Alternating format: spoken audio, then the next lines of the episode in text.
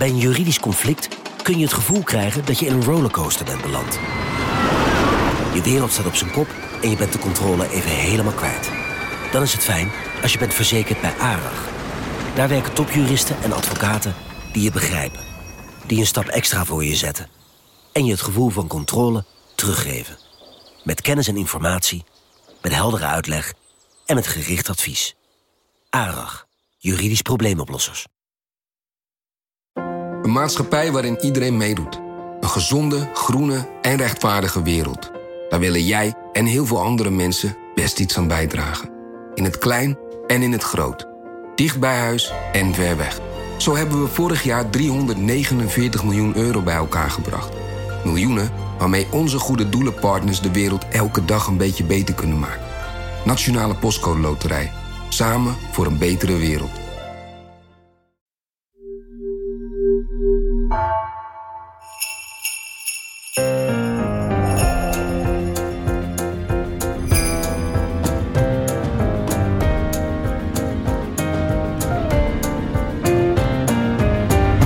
Dit is Haagse Zaken van NRC. Mijn naam is Lemia Aharwai.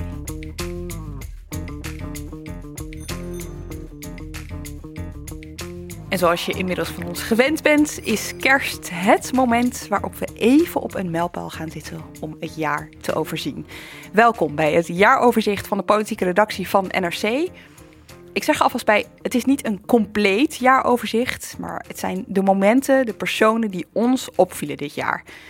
13 redacteuren. Die komen deze extra lange aflevering langs om te vertellen over de val van Rutte 3. Want ja, ook dat gebeurde nog dit jaar. Over de Tweede Kamerverkiezingen, over linkse samenwerking of wat daarvan over is. Over de nacht van Rutte, de Duitse verkiezingen. Ja, de Duitse verkiezingen. Over de evacuatie in Kabul, het ontslag van Mona Keizer, de invoering van de avondklok en ja, ook corona. En vanwege dat laatste onderwerp zul je soms merken dat er iemand op afstand bij ons is. En dat geldt ook voor mijn eerste gast, Floor Boon. Welkom. Hi Lemia, welkom. Hey, hi. welkom, hi. Vanuit jouw thuisstudio. Ja, laten we het zo noemen, mijn thuisstudio. je zit onder je deken, hè? Ja, ik zit onder mijn uh, dons dekbed en uh, daarmee uh, hoop ik een beetje na te bootsen alsof ik toch in een soort geluidsdichte studio zit. Je klinkt echt prima. En de vraag die ik vandaag een paar keer ga stellen, maar je hebt de eer om hem als eerste te beantwoorden, is wat was jouw moment van 2021? Ik, ik zat eigenlijk te denken van, dit is zo'n krankzinnig politiek jaar geweest eigenlijk. Maar iets wat we misschien bijna zijn vergeten met corona en alles wat er is gebeurd dit jaar, is dat 2021 ook gewoon het jaar was van de Tweede Kamerverkiezingen. Op 15, 16 en 17 maart ging Nederland naar de stembus. Dat was natuurlijk ook al ongewoon, hè? drie dagen. We hebben er toen ook een uh, dagelijkse Haagse zaak omheen gemaakt. Het was echt hartstikke leuk om te doen. Zeker. Ja, en het gekke is dat het helemaal niet zo voelt alsof 2021 het jaar van de verkiezingen was. Weet je wel, er is zo ongelooflijk veel gebeurd. Dus ik dacht, laten we heel eventjes erbij stilstaan sowieso het idee, hè, het was drie dagen, dat is nooit. Uh, er was een lockdown. Ja. De avondklok gold nog. Er was zelfs een uitzondering gemaakt hè, op die avondklok, zodat mensen nog uh, konden stemmen tot, uh, tot negen uur en dan nog naar huis konden. Ja, precies. Dus die drie dagen mocht je dan iets langer de straat op. Maar het had echt een ongelofelijke aanloop ook in hoe die verkiezingen werden georganiseerd. Het was veel ingewikkelder voor gemeenten om, uh, om voor elkaar te krijgen. Dus ja, daar hing al een heel gek sfeertje omheen eigenlijk. En het waren natuurlijk ook hele spannende verkiezingen, omdat uh, het kabinet was afgetreden in januari, 15 januari uit mijn hoofd, mm -hmm. over de toeslagenaffaire. Maar de campagne draaide daar helemaal ja, nauwelijks om eigenlijk. Dat heeft eigenlijk veel meer zeggingskracht gekregen, die hele toeslagenaffaire, in ja, de tijd daarna, na die verkiezingen. Maar rondom dat hebben de partijen ook heel erg geprobeerd natuurlijk dat niet heel erg leidend te laten zijn. En ik herinner me gewoon heel erg dat die vraag zo in de lucht hing van wat gaat er gebeuren? Ja. Wat, wat wordt die uitslag? En ja, gaat dit iets doen ook met hoe Nederland zich uitspreekt in die stembus? Ja, de grote vraag was natuurlijk, gaat de VVD ook nog een keer de grootste partij worden? Uh, je zag uit het Nationaal Kiezersonderzoek, hebben we laatst besproken in Haagse Zaken, dat die toeslagenaffaire uiteindelijk helemaal niet zo heel veel heeft uitgemaakt, geen rol heeft gespeeld. Niet op de mensen die op de toen zittende partijen stemden. Dat was geen reden om het niet nog een keer te doen. En mensen die het een belangrijk onderwerp vinden, die stemden toch al op andere partijen. Ja, precies. En kijk, de VVD werd de grootste, maar eigenlijk behaalde alle partijen die samen Rutte 3 vormden, die behaalden ook met elkaar weer opnieuw een meerderheid. En dat was ook heel erg opmerkelijk. En weet je, wat jij, jij noemt ook dat Nationaal Kiezersonderzoek. Nou, er zijn veel meer onderzoeken gedaan later. En daar bleek ook later uit dat het vertrouwen dat mensen hebben verloren eigenlijk in die partijen door de toeslagenaffaire, dat was al wel aan het dalen toen. Maar de verkiezingen kwamen eigenlijk net op tijd. Dus als er later verkiezingen waren geweest, was het wel mogelijk geweest dat er wel veel meer merkbaar was geweest van ja, op de uitslag. Dat VVD, CDA, D66 en ChristenUnie misschien helemaal geen meerderheid hadden gehaald met elkaar. Maar goed, dat, dat gebeurde dus nu wel, half maart. Maar wel natuurlijk in andere samenstellingen. Dus VVD werd de grootste. Maar D66 was ineens de grote winnaar. En ja, het is uh, een fragment, of in ieder geval, we hebben het heel veel toen veelvuldig over gehad. Maar ik dacht, ik ga toch nog heel eventjes laten horen hoe dat toen klonk. Is het dan D66 die hier wint, die die tweede plek pakt 19 zetels in 2017 en dat worden er maar liefst 27. Acht zetels, dus volgens mij kunnen we wel spreken van het Sigrid Kaag-effect. Ja, dit waren de exit polls, hè? dus eh, de, de avond en nacht van uh, eh, 17 op 18 maart. Ja, de exit polls, uiteindelijk, hè, ze, ze werden toen ook veel hoger ingeschat hoor, dan ze werden. Maar dat was echt, ja, dat, iedereen zat er echt naar te kijken van wat gebeurt hier, weet je wel. Ze zeiden toen 27 zetels. Hm. Nou, dat, dat, dat, dat werden er 24 met al die restzetels. Dus dat was nog best wel een, eh, een, een terugval. Maar het was wel, toen heerste er echt het idee van, nou, dit gaat dingen veranderen. Uh, er, komen, hè, er komt echt een ander soort formatie op gang. En uiteindelijk bleek dat het gewoon de start was van een super merkwaardig formatiejaar. Maar wat ik nog wel aardig vind om even te noemen, is dat het ook het begin was van een nieuwe Tweede Kamer. En daarin zie je de versplintering.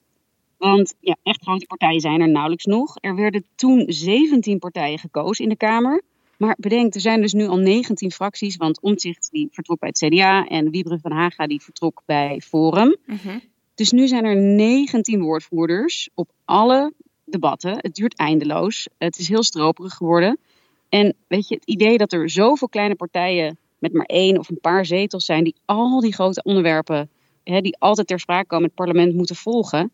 Nou ja, dat geeft ook wel een beetje te denken over de mate van controle die het parlement überhaupt nog kan uitoefenen. Maar goed, dat, is, uh, dat, dat begon ook daar in maart. Om nog eventjes uh, te memoreren dat dat er ook nog is gebeurd dit jaar. Dat we even dachten dat alles anders zou zijn. Dat we dat heel eventjes hebben gedacht, ja. Heel veel dank, Floor. Hey, succes. Dankjewel. Inmiddels bij mij in de studio Petra de Koning. Uh, Petra, jij volgt de VVD, uh, eh, specifiek Mark Rutte, al uh, lang. En als dit het jaar was van een politicus, dan is dat toch wel Mark Rutte. Ja, dat kun je wel zeggen. Dat begon met zijn vijfde verkiezingsoverwinning op een rij. Hij had er nauwelijks iets voor gedaan in de campagne. Hij had alleen maar de premier in crisistijd was hier geweest. Ja. En had hij, die rol had hij uitvoerig gespeeld. Dus hij had niet echt meegedaan. Hij had uh, niemand uitgedaagd. Hij had zich ook niet laten uitdagen. Hij had die rol ook gekregen van anderen, hè? want niemand daagde hem ook. Ze probeerden het wel, maar hij reageerde nergens op. Ze hebben het wel geprobeerd. Maar de VVD-campagne draaide om hem, draaide om hem als premier. Nou, dat, dat werkte. Uh, zijn partij was de grootste. Hij haalde iets van 2 miljoen uh, stemmen zelf. En daarna begon het. Hè. Meteen na de verkiezingen werden er twee verkenners aangewezen. Kajsa Ollengren van D66 en Annemarie Jorritsma van de VVD.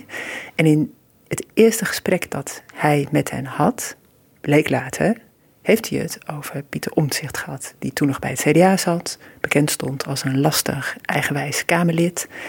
En Rutte vond het wel een goed idee als die minister zou worden. Tenminste, wat we weten is dat ze het erover hebben gehad. Ja uiteindelijk kwam dat terecht in een notitie. Ja, dat was de voorbereiding voor een tweede gesprek met Rutte en Kaag, ook nog daarna. En die notitie, die is gefotografeerd. En dat kwam door omdat Ollengren in paniek de deur uit was gerend. Ze bleek besmet te zijn met het coronavirus. En toen die notitie naar buiten kwam, wilde natuurlijk iedereen weten... wie heeft het dan gehad over een andere functie voor omzicht. Foto's overigens genomen door Bart Maat. Bart Maat, We kunnen het niet vaak genoeg zeggen. Nee, ja. precies. En Rutte zei die avond, nou, ik heb het er niet over gehad. En Kaag trouwens ook niet. Ze vroeg mij even om dat te zeggen tegen jullie. Ja, hij was haar woordvoerder. Nieuwsuur die wachtte hem op. En uh, hij vertelde daar gewoon met droge ogen, ja. Ik kan u wel zeggen, ik heb er ook even contact over gehad met uh, Sigrid Kaag vanavond. Dus ook namens haar kan ik zeggen dat wij in ieder geval in onze gesprekken het niet hebben gehad over Pieter Omtzigt. Omdat hij zo zichtbaar in die stukken naar voren kwam. Maar ja, verder moet het weer snel op de rails. Heeft u überhaupt over de heer Omtzigt gepraat in die gesprekken? Nee. En ook Sigrid Kaag niet. Nee. Kan het dan in die stukken terechtkomen? Dat weet ik niet. Maar goed, ik kan u alleen zeggen wat ik gedaan heb. Ik heb dat wel drie keer of vier keer nagekeken. Hij begon er uit zichzelf over. Hè? En daarna vroeg Johan Jonker heel goed door: van, hè, maar hoe zit dat dan? En gaat dan niemand daar nog uitleg over geven? Nee, nee, dat kan niet meer, zei Rutte. Gaat iemand van het kabinet daar nog verantwoording voor afleggen? Mevrouw Ollongren is nog minister. Nee, mevrouw Ollongren was daar als verkenner. En dat is nu gestopt. Maar de Kamer die dacht: wacht even, dit is er toch op een bepaalde manier opgekomen. Dus Wilders die vroeg op een gegeven moment een debat aan. Ja, precies. En iedereen steunde dat. En de avond van tevoren vroeg hij ook nog of ze alle gesprekken mochten inzien. Dus van alle gesprekken die er tot dat moment waren geweest. Ja. Dat steunde eigenlijk ook iedereen. Maar Rutte zei: maak nou alleen mijn gespreksverslag openbaar. Want de mensen moeten in vertrouwen hebben uh, kunnen praten daar. En misschien krijgen we wel onderling veel gedoe. En dan zijn we heel lang bezig met de formatie. Om dat weer te repareren. Om de verhoudingen te repareren. Dat waren nou, profetische woorden. Wel, ja. Geval, ja. Die gesprekken die werden openbaar. En ik kan me nog goed herinneren, waren allemaal aan het wachten. Wij hingen, tenminste ik hing rond de VVD-gangen. Uh, want we waren aan het wachten op het moment dat, dat dan ook echt openbaar gemaakt zou worden. Toen kwam een trits aan documenten, werd gepubliceerd op kabinetsformatie2021.nl. En toen bleek? Ja, binnen de kortste keren was het nieuws. Rutte heeft over omzicht gepraat. Toen was het wachten tot het debat, want niemand kon zich voorstellen dat hij zich hieruit zou weten te redden eigenlijk. Het was super spannend, weet je nog? Door in die gangen, je kon het echt voelen en ruiken. En uh, dit, dit kon wel eens de laatste dag van Mark Rutte worden in de politiek. Ja, dat hing er de hele tijd boven. Hè? En ja, het was spannend. En toen dat debat begon, was iedereen ook aan het wachten. Hoe gaat hij zich hieruit redden? Kan hij zich hier nog uitredden? Ja, dat leek op geen enkele manier nog te doen. En toen begon die. Ik kan u dit zeggen. Ik heb naar eer en geweten de pers te woord gestaan. Over wat ik dacht wel en niet te hebben gezegd in dat gesprek bij de verkenners. Ik heb me dat achteraf verkeerd herinnerd. Ik betreur dat ten zeerste. Niet te geloven, hoor je Esther Ouwehand van de Partij voor de Dieren nog zeggen. Ja, het is natuurlijk al vaker gebeurd bij Rutte dat hij zich dingen niet meer wist te herinneren. Hè? Daar zijn allerlei uh, voorbeelden van al geweest. Dus dit, ja, weet je, dit had je misschien kunnen bedenken dat hij hiermee kwam en ook weer niet. Want het, het leek zo ongeloofwaardig. Wij zaten inderdaad naast elkaar van boven mee te kijken. En in die oude Tweede Kamer of, uh, kon je nog vanuit de perstribune echt goed meekijken, zal ik maar zeggen. Ja. En het gevoel was echt, nou, dit kan hij niet maken. Dat hij dit argument, waar, waar hij eigenlijk, dat er bijna een cliché is geworden, dat hij dat nu op zo'n belangrijk moment gebruikt. Ja, dat was echt niet te geloven. De een naar de ander ging hem daar natuurlijk op bevragen, heel scherp, heel hard. En hij bleef maar zeggen: Ik heb echt niet gelogen. Wat natuurlijk ook een beginnersfout is hè, in de communicatie. Ik bedoel, wat, als je steeds maar benadrukt wat je niet bent, namelijk een leugenaar, dan onthoudt iedereen dat je een leugenaar bent.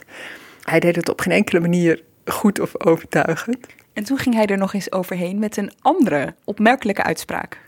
Ja, dat was bijzonder. Uh, Thierry Baudet die vroeg op een gegeven moment: hoe laat wist u eigenlijk dat uw naam daarin voorkwam? En toen zag je een moment van: hè, ik ga. Tenminste, zo denk ik dat het was. Ik weet het natuurlijk niet zeker. Maar het zag eruit alsof die Rutte dacht: van ja, nee, ik ga dat nu helemaal eerlijk zeggen, open en eerlijk. Om half acht vanochtend. Dat was anderhalf uur eerder dan alle andere partijleiders.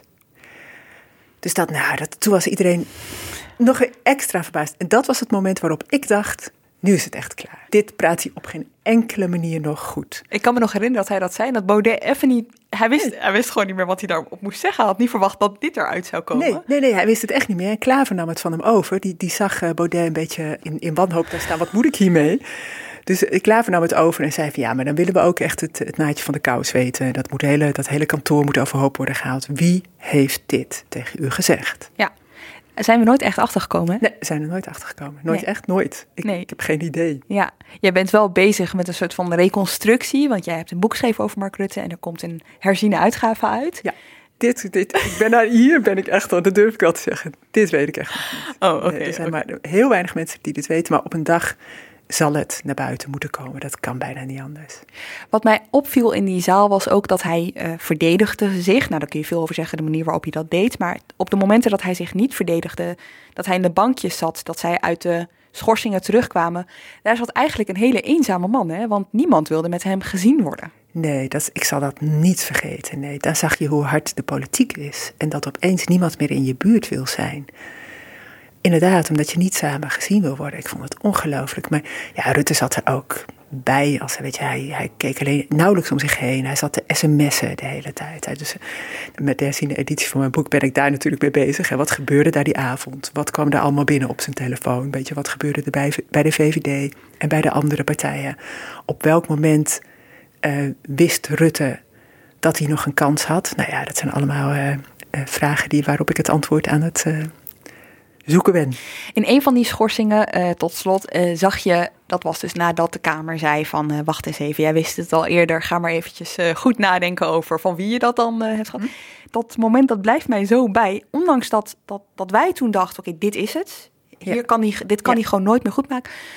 Ondanks dat kwam hij toen met zelfvertrouwen terug en ja, wist hij in een hele korte periode ineens, ik weet, ik kan niet, ik kan niet herleiden wat er nou precies gebeurde, maar ineens was het niet meer spannend. Ja, dat, dat ben ik ook aan het uitzoeken, want in die schorsing is van alles gebeurd. Ja.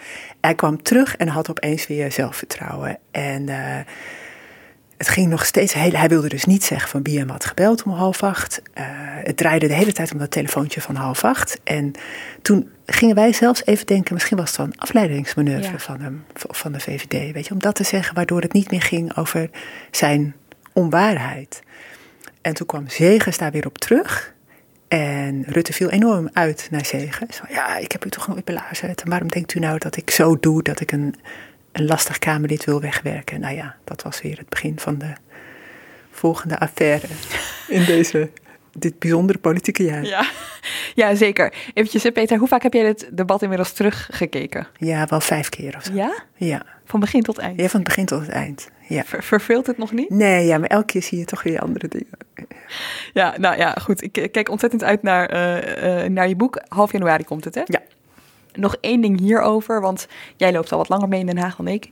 Ik kijk hier toch ook wel op terug als een soort van... Dit was politieke geschiedenis recht onder je ogen. Ja, dat was het ook. Ja. Dit, heb je, dit ga je echt je hele leven nog herinneren, denk ik. Ja, je weet niet wat er nog overheen komt. Ik wil net zeggen, ik, ik, ik, hoop het, maar uh, gezien de rest van het jaar uh, durf ik het ook te betwijfelen. Ja. Dankjewel, zo. Peter de Koning. Graag gedaan. En dan bij mij in de studio Pim van den Dol, Wouter van Loon en op afstand Mark Lievese Adriaanse. Uh, Mark, kun je ons horen? Zeker. Oké, okay, mooi. En het lijkt me vrij logisch waar we het over gaan hebben als ik jullie met z'n drieën in de studio heb. Dat kan maar één ding zijn en dat is corona. Uh, Wouter, om uh, bij jou maar uh, te beginnen. Wat was jouw coronamoment van 2021 dan? Ja, ik ga helemaal terug naar het begin van het jaar. in januari, toen het kabinet een avondklok aankondigde. Um, wat het kabinet vandaag presenteert, gaat zonder meer nog één keer weer heel veel van mensen vragen. Maar het gaat ons dus ook veel opleveren.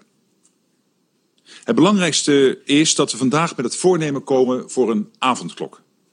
Dus een verbod om buiten te zijn tussen bepaalde uren wat een heftige maatregel is. Niemand wil een avondklok. Niemand staat erbij te juichen. Ik niet, Hugo de Jonge niet, het hele kabinet niet, niemand. Ja, die avondklok die ging um, op 23 januari in en die duurde uiteindelijk een maand of drie. En wat ik interessant vind aan dit moment was dat dit eigenlijk de eerste keer was dat het kabinet een maatregel invoerde waarvan ze altijd hadden gezegd: dit gaan we absoluut niet doen. Dus het verhaal was tot dan toe altijd uh, ja, mensen in hun huis opsluiten, daar gaan we niet aan beginnen. Dat is niet nodig. Dat is niet Nederlands, werd ook vaak gezegd, hè? Precies, we hadden een intelligente lockdown. Hè? Dus ja. waarin zulke dingen allemaal niet nodig waren, maar toch hetzelfde effect werd bereikt als in landen uh, waar mensen wel in hun huis werden opgesloten. En nu was dat toch nodig. Kun je ons heel veel terugnemen naar het moment toen, zeg maar de situatie op dat moment? Waarom was het toch nodig? Ja, dat is wel interessant, denk ik, omdat dat naar mijn inzien iets zegt over de rest van het jaar.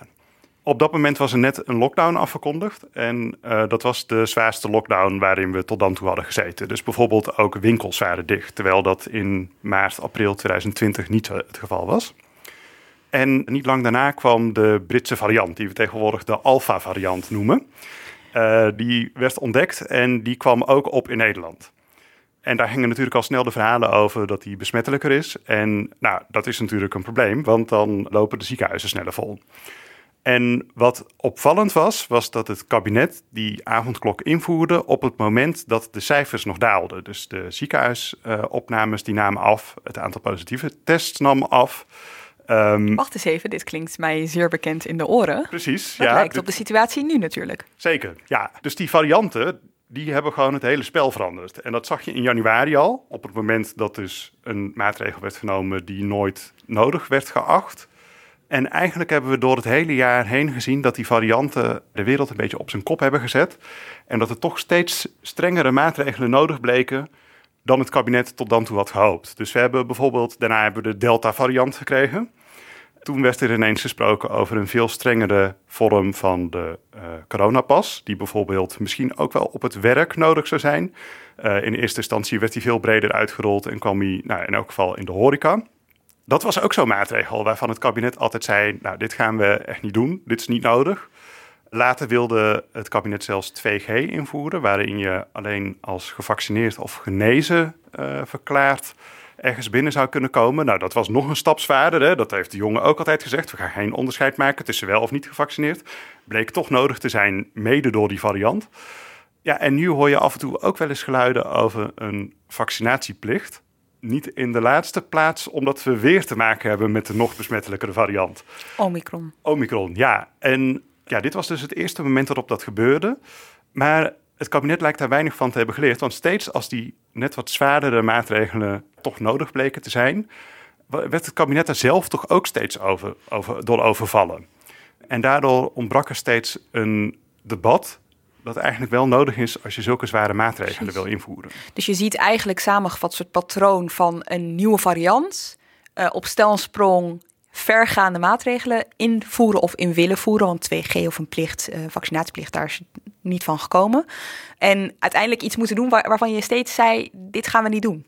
Precies, en doordat steeds werd gezegd, dit gaan we niet doen...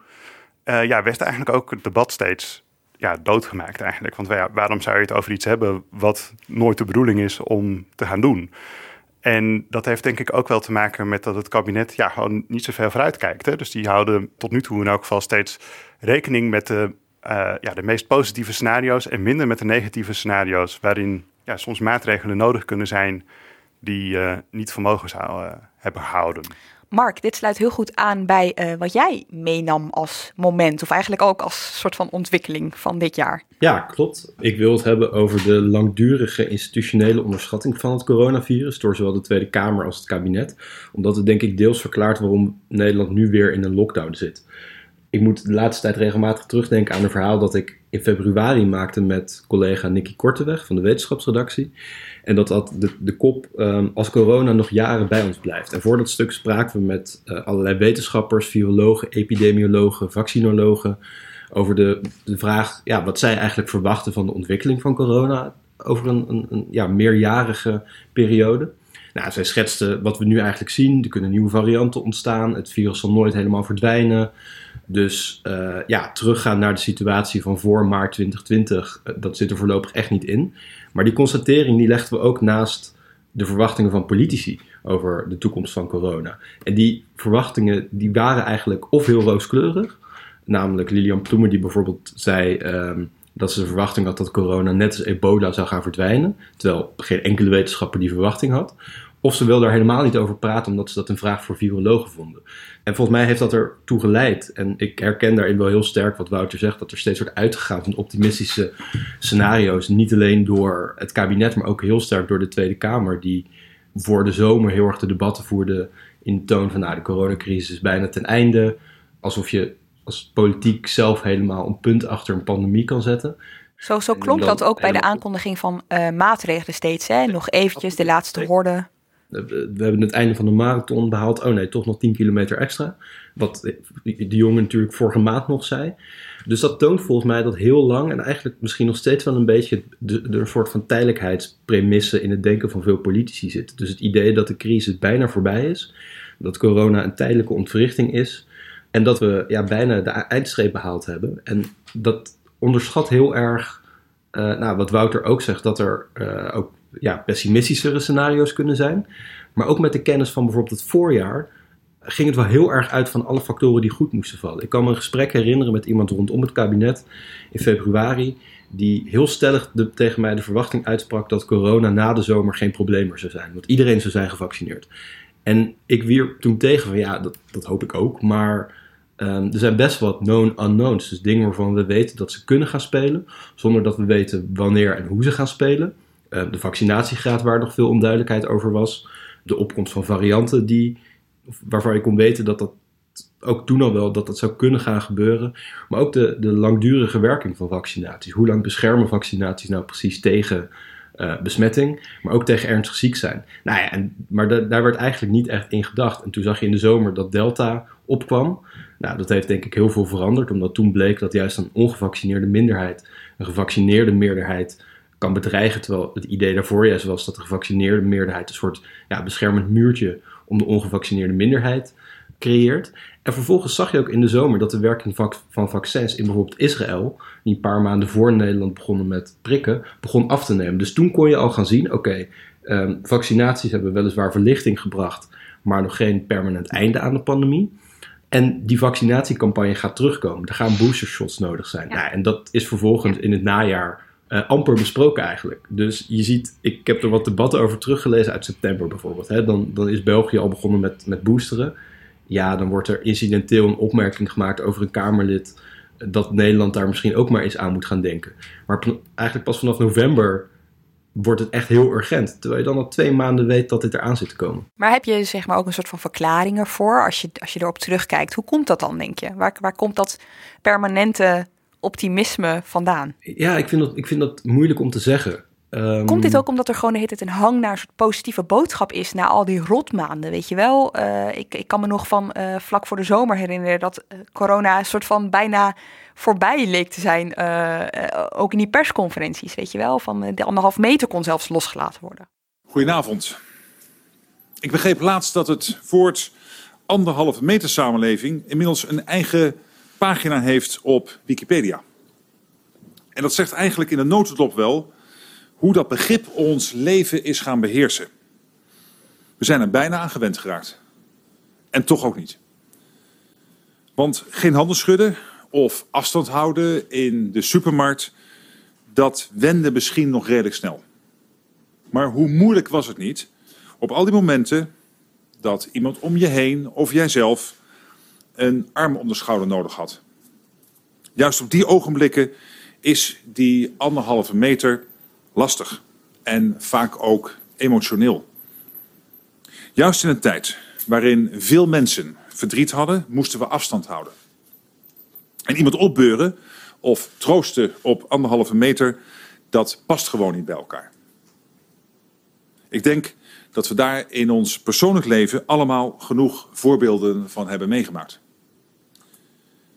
Daarom ben ik blij dat we vandaag kunnen aankondigen dat we per zaterdag 25 september die anderhalve meter afstand als verplichting overal kunnen afschaffen. Ja, maar dat, dat, dat was toen al een hoogst naïeve gedachte. Ik, ik kan me herinneren dat ik de, in september, toen alles net losgelaten was, door Rotterdam fietste. Een druk festival zag, volle kroegen. Ik ging zelf naar een volle kuip en dat ik me afvroeg hoe lang zal dit nog duren. Um, dat was het eerste weekend na de, de echte versoepelingen. Omdat, ja, ook toen al zag je afnemende bescherming van vaccins, et cetera. Ik denk dat het, dat het een hele normale menselijke neiging is om uit te blijven gaan van iets positiefs. En ik denk, ik vraag me soms ook af, stel het kabinet was volledig eerlijk geweest en had gezegd, ja, we gaan nu vaccineren, we hopen dat het de uitweg is, maar we weten het niet. Eh, of zoveel mensen zich massaal hadden laten vaccineren. Maar tegelijkertijd is het wel heel ja, deceptief, omdat als je steeds de, de positieve scenario's niet ziet uitkomen, dan denk ik dat mensen op een gegeven moment ook niet meer de positieve verwachtingen gaan geloven. Dat ze denken, ja, jullie zeggen dit nu wel, maar uh, twee maanden geleden zei je nog dat het nog maar 10 kilometer was. En dan moeten we weer een marathon gaan lopen. Dus dat is, dat is denk ik ook een beetje ja, het, het, het moeizame van een voortslepende crisis waarvan niemand echt het einde kan durven voorspellen. Wat je dan op zijn minst hoopt, Pim, is dat er iemand ook nog op de achtergrond werkt aan dat stuk van, uh, nou ja, waar Mark dus over heeft geschreven, weet je wel, dat het voor altijd bij ons blijft en hoe je daar dan mee om moet gaan. Ja, precies. Um, Ik wil het hebben uh, over iets wat hier eigenlijk ook wel goed bij, bij aansluit. Uh, we gaan wel weer iets verder terug naar het begin, meer het begin van het jaar, rond de verkiezingen. En toen leek er bij de politiek nou ja, ook grote urgentie om vanwege de coronacrisis snel een kabinet te vormen en daar ook weer met het virus verder aan de, aan de slag te gaan. Wij hopen uh, dat onze ambitie wordt gedeeld en dat we voor de zomer een nieuw kabinet kunnen hebben. Volgens mij zijn er een heleboel mensen die terugkijkend op de afgelopen weken denken... Den Haag is vooral bezig geweest met Den Haag. En vooruit met de geit, schiet op, want er zijn grote problemen. Voor de zomer een kabinet, uh, suggereerde Kaag. Is dat realistisch? Nou, het, het, zou heel mooi zijn. Uh, ik zou zeggen zo snel mogelijk. Uh, en als het kan voor de zomer, ja, dat zou echt wel heel mooi zijn. Het werd voor de winter. Nou ja, het werd ook niet voor de winter. Het werd, het werd voor de kerst, ja. Als je deze opmerking hoort, zou je denken... de partijen voelen, hè, ook vanwege de coronacrisis... de verantwoordelijkheid om snel die regering gewoon van die vier partijen door te zetten. Um, ik heb toen uh, zelf op Twitter ook gesuggereerd... van waarom uh, gaan deze vier partijen niet gewoon... zetten ze hem door, het is crisis, uh, er liggen grote opgaven. Maar ja, vervolgens hebben we maandenlang uh, natuurlijk toch een soort politiek spel gezien. waarbij de urgentie leek te, weer snel leek te verdwijnen. En ja, je had toch verwacht, hè, dat, dat had ik tenminste in die formatie verwacht, ook als het dan zo lang geduurd heeft. Dat de politiek dan wel in de tussentijd zou zijn bezig gegaan, inderdaad, waar we het net ook al een beetje over hadden, met een soort ja, serieus lange termijnplan van hoe we ook uh, kunnen leven met dit virus. Maar nou ja, we hebben allemaal uh, onlangs uh, het nieuwe coalitieakkoord natuurlijk gezien. Maar wat schetste mijn verbazing, hè, waar Rutte in maart sprak over... we hebben een nationaal herstelplan nodig, hè, van hoe moet het nu verder met Nederland en, het, en de coronacrisis... hebben de, deze vier partijen die nu wel verder gaan met elkaar... eigenlijk nog helemaal geen serieuze ideeën geformuleerd... over wat leren met het virus voor de komende jaren betekent. Hoe gaan we uh, nou ja, de zorg zo inrichten dat we de komende golven en de komende jaren uh, die klappen beter kunnen op opvangen? Eigenlijk is de uh, aandacht voor corona in het coalitieakkoord minimaal. Wat staat er wel over in? Bedoel, nou, er... kijk, het wordt, ja, het wordt, het wordt, het wordt een paar keer genoemd dat we er helaas nog lang niet uit zijn. Dat, dat, dat erkennen de partijen wel. Maar ja, de formatie en de coronacrisis waren maandenlang een soort gescheiden werelden, een soort gescheiden trajecten hier in Den Haag. En ik heb me daar persoonlijk dus heel erg over verbaasd. Ja, ik kan me nog herinneren dat je daar op de redactie ook best vaak over bent ja, begonnen. Van, gebeurt er iets achter de schermen nou, over? precies. Maar en ik, ik, vraag me dus ook af of ze het aan de formatietafel uh, dus oprecht over de goede dingen hebben gehad. Kijk, ik, ik snap natuurlijk moet je serieuze klimaatplannen maken. Er zijn er heel veel onderwerpen los van corona. Dat is logisch dat de partijen daar aandacht aan hebben besteed. Maar ik vind het dan wel heel interessant dat, ze, hè, dat, dat we gehoord hebben dat ze weer heel lang over de medisch-ethische thema's hebben gesproken. Met z'n vieren, met deze vier partijen. Uh, dat zijn uh, vast principieel allemaal heel belangrijk, maar zijn toch niet, voor mijn gevoel, de grote kwesties van deze tijd. Terwijl ze ethische vraagstukken over het coronabeleid, denk bijvoorbeeld aan 2G of een vaccinatieplicht, daar hebben ze, zijn ze het met z'n vieren gewoon niet over eens. Of hebben ze in ieder geval nog niet een idee van hoe dat het komende jaar verder moet. Beetje wereldvreemd. Nou ja, ja ik vind het toch wel heel. Uh, heel maar wat, wat had je dan verwacht? Wat, wat, wat had er dan in moeten staan? Kun, kun je nou, iets concreet maken? Ik had uh, op zijn minst verwacht dat uh, deze nieuwe coalitie zeg maar, een idee had geschetst in het coalitieakkoord over, nou, dit is hoe Nederland in ieder geval hè, de komende jaren, hoe we bijvoorbeeld al onze nou ja, maatschappij en misschien wat anders kunnen inrichten. Hoe kunnen we het onderwijs zo inrichten dat we met corona beter daar kunnen omgaan. Maar ook, ook een veel concreter plan om de zorg ja, in de lucht te houden. En om te zorgen dat, nou ja, dat, hè, dat, dat ze dat in, bij toekomstige golven beter kunnen. Het zijn allemaal nog wat ja, vage ambities, uh, zaken waar al heel lang uh, over gesproken wordt, zoals een nationale zorgreserve van oud-medewerkers, en die nog steeds niet heel concreet zijn. Past een beetje bij jouw inbrengen, hè, Mark. Dus uh, dit, ook, dit bewijst dan weer dat het gezien wordt als iets wat tijdelijk, misschien nog een paar jaar, maar ook weer niet voor eeuwig bij ons blijft. Nee, en, en de consequentie van die gedachte is dat je dus steeds wordt overvallen er zijn nu best wat vraagstukken die je inderdaad op de formatietafel had kunnen behandelen. Ook niet alleen ethisch, maar ook organisatorisch. We zien eigenlijk al of twee jaar dat de GGD's zwaar overwerkt zijn. Uh, dat het steeds puntje bij paaltje net wel lukt, maar dat het wel heel moeizaam gaat. Nou, moet je dan van de GGD's toch wel verwachten dat zij het testen allemaal doen, dat zij het vaccineren doen? Of moet je gaan nadenken over een, een organisatie die misschien ook onder directe controle staat van de minister, wat de GGD niet, niet staat? Die die organisatorische uitvoeringsdingen uh, gaat doen de komende jaren. Dat zijn allemaal praktische dingen waar je over na kunt denken. En waar het nu steeds zo lijkt te zijn, is. Nou, er wordt de erkenning uitgesproken dat corona nog wel even onder ons blijft. Maar de vervolgvragen die daaruit volgen, organisatorisch, ethisch, maatschappelijk, economisch, die worden eigenlijk nog helemaal niet gesteld, laat staan beantwoord. Valt er iets zinnigs te zeggen over hoe het komende jaar eruit ziet? Nou, dat kun je allemaal lezen in, ehm, in de krant, de eerste krant van het nieuwe jaar. Want dan ehm, proberen Pim en ik een, eh, een klein perspectief te schetsen op het nieuwe jaar. Ik denk dat wel valt te zeggen dat de eerste maanden. Nou, we beginnen natuurlijk met een lockdown, dus dat, dat zal niet meevallen. Ja, daarna wordt het een stuk ingewikkelder. Maar wat denk ik wel een beetje, als ik zo onze drie ehm, momenten bij elkaar grijp, dan denk ik dat je tot de conclusie komt dat als het een beetje tegenvalt, je toch weer terug moet grijpen op van die ad hoc maatregelen, zoals een avondklok of een, uh, een vaccinatieplicht. En ik denk dat die eerste maanden van het jaar wel gaan bepalen of, of we die kant op gaan. Dus dat worden wel, um, nou laten we het met gevoel voor understatement, interessante weken gaan dat worden. Ik ga jullie hier dan vaker zien, maar ik hoop eigenlijk dat jullie nu gewoon eventjes uh, alle drie jullie rust ook kunnen pakken. Dank jullie wel. Pim van den Dol, Wouter van Loon en Mark Liefse Adriaanse. En de volgende hier in de studio is Claudia Kammer. Claudia, uh, welk moment heb jij meegenomen? Ik heb het uh, moment meegenomen dat Mona Keizer, staatssecretaris voor Economische Zaken en Klimaat, op staande voet werd ontslagen uit het kabinet. Oh ja, dat was ook nog dit jaar, ja. Ja, dat was op een zaterdag. Dat wij samen september. weekenddienst wij hadden. hadden samen weekenddienst. We dachten, dit wordt vast geen druk weekend. Ja, precies. Daar hadden we elkaar op voorbereid. En tot onze grote verbazing sloegen wij ochtends de Telegraaf open. Ja, inderdaad. Daar stond een uh, nogal explosief uh, interview in met uh, Mona Keizer.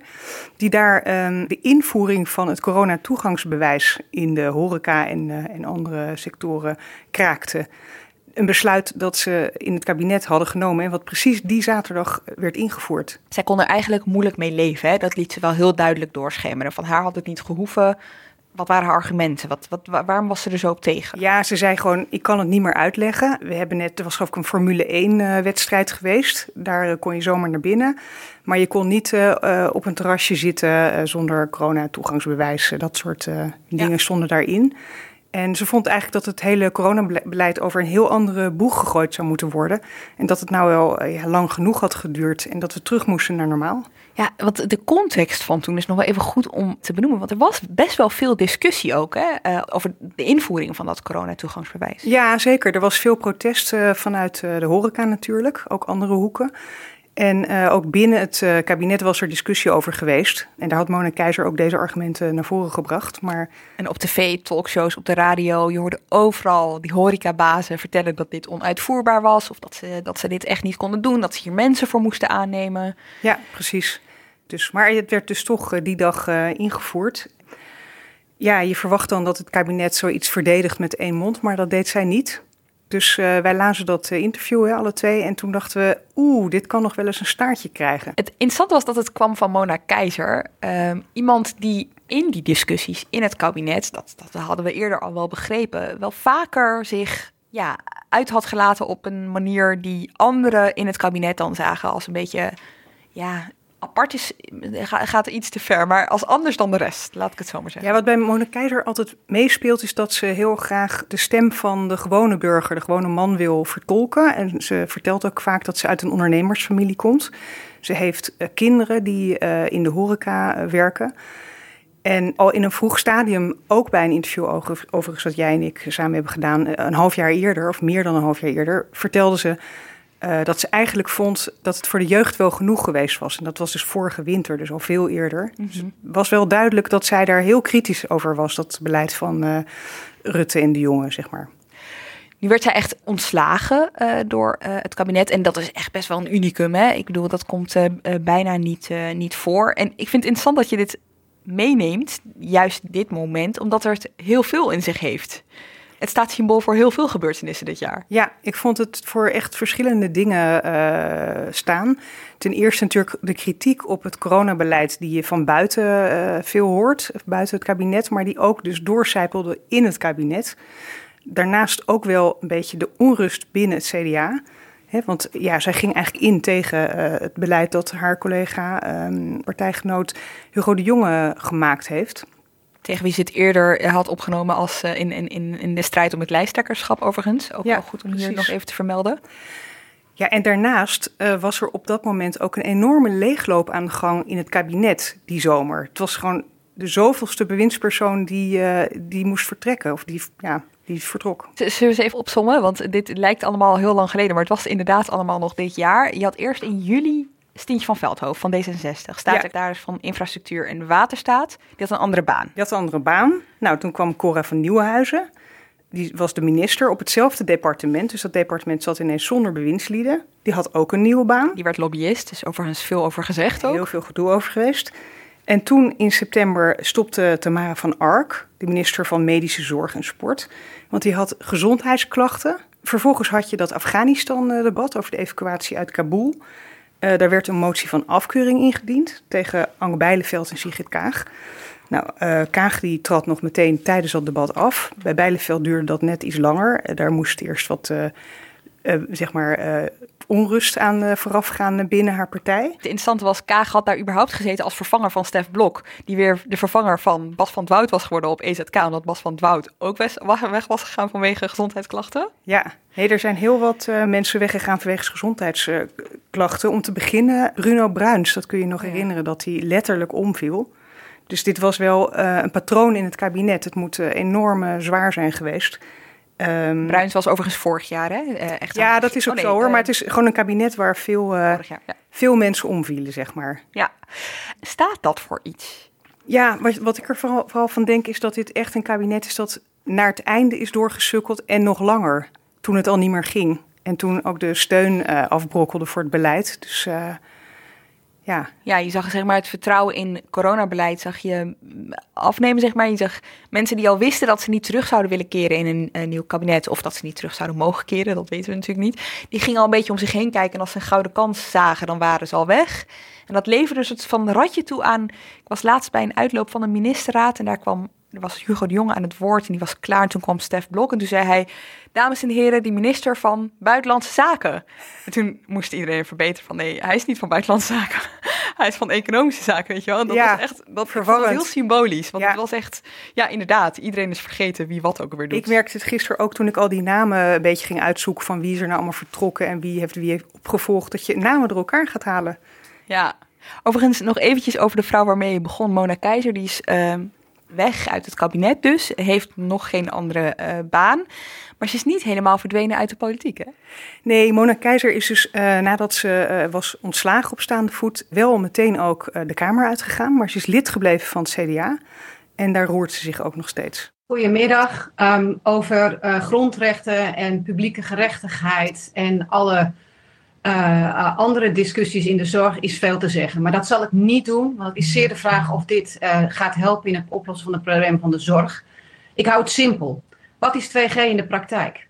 Je bent 40 jaar getrouwd, je wil een feestelijk dinertje geven, alleen je schoonzoon en twee kleinkinderen zijn niet ingeënt. Ruzies en boosheid tot gevolg.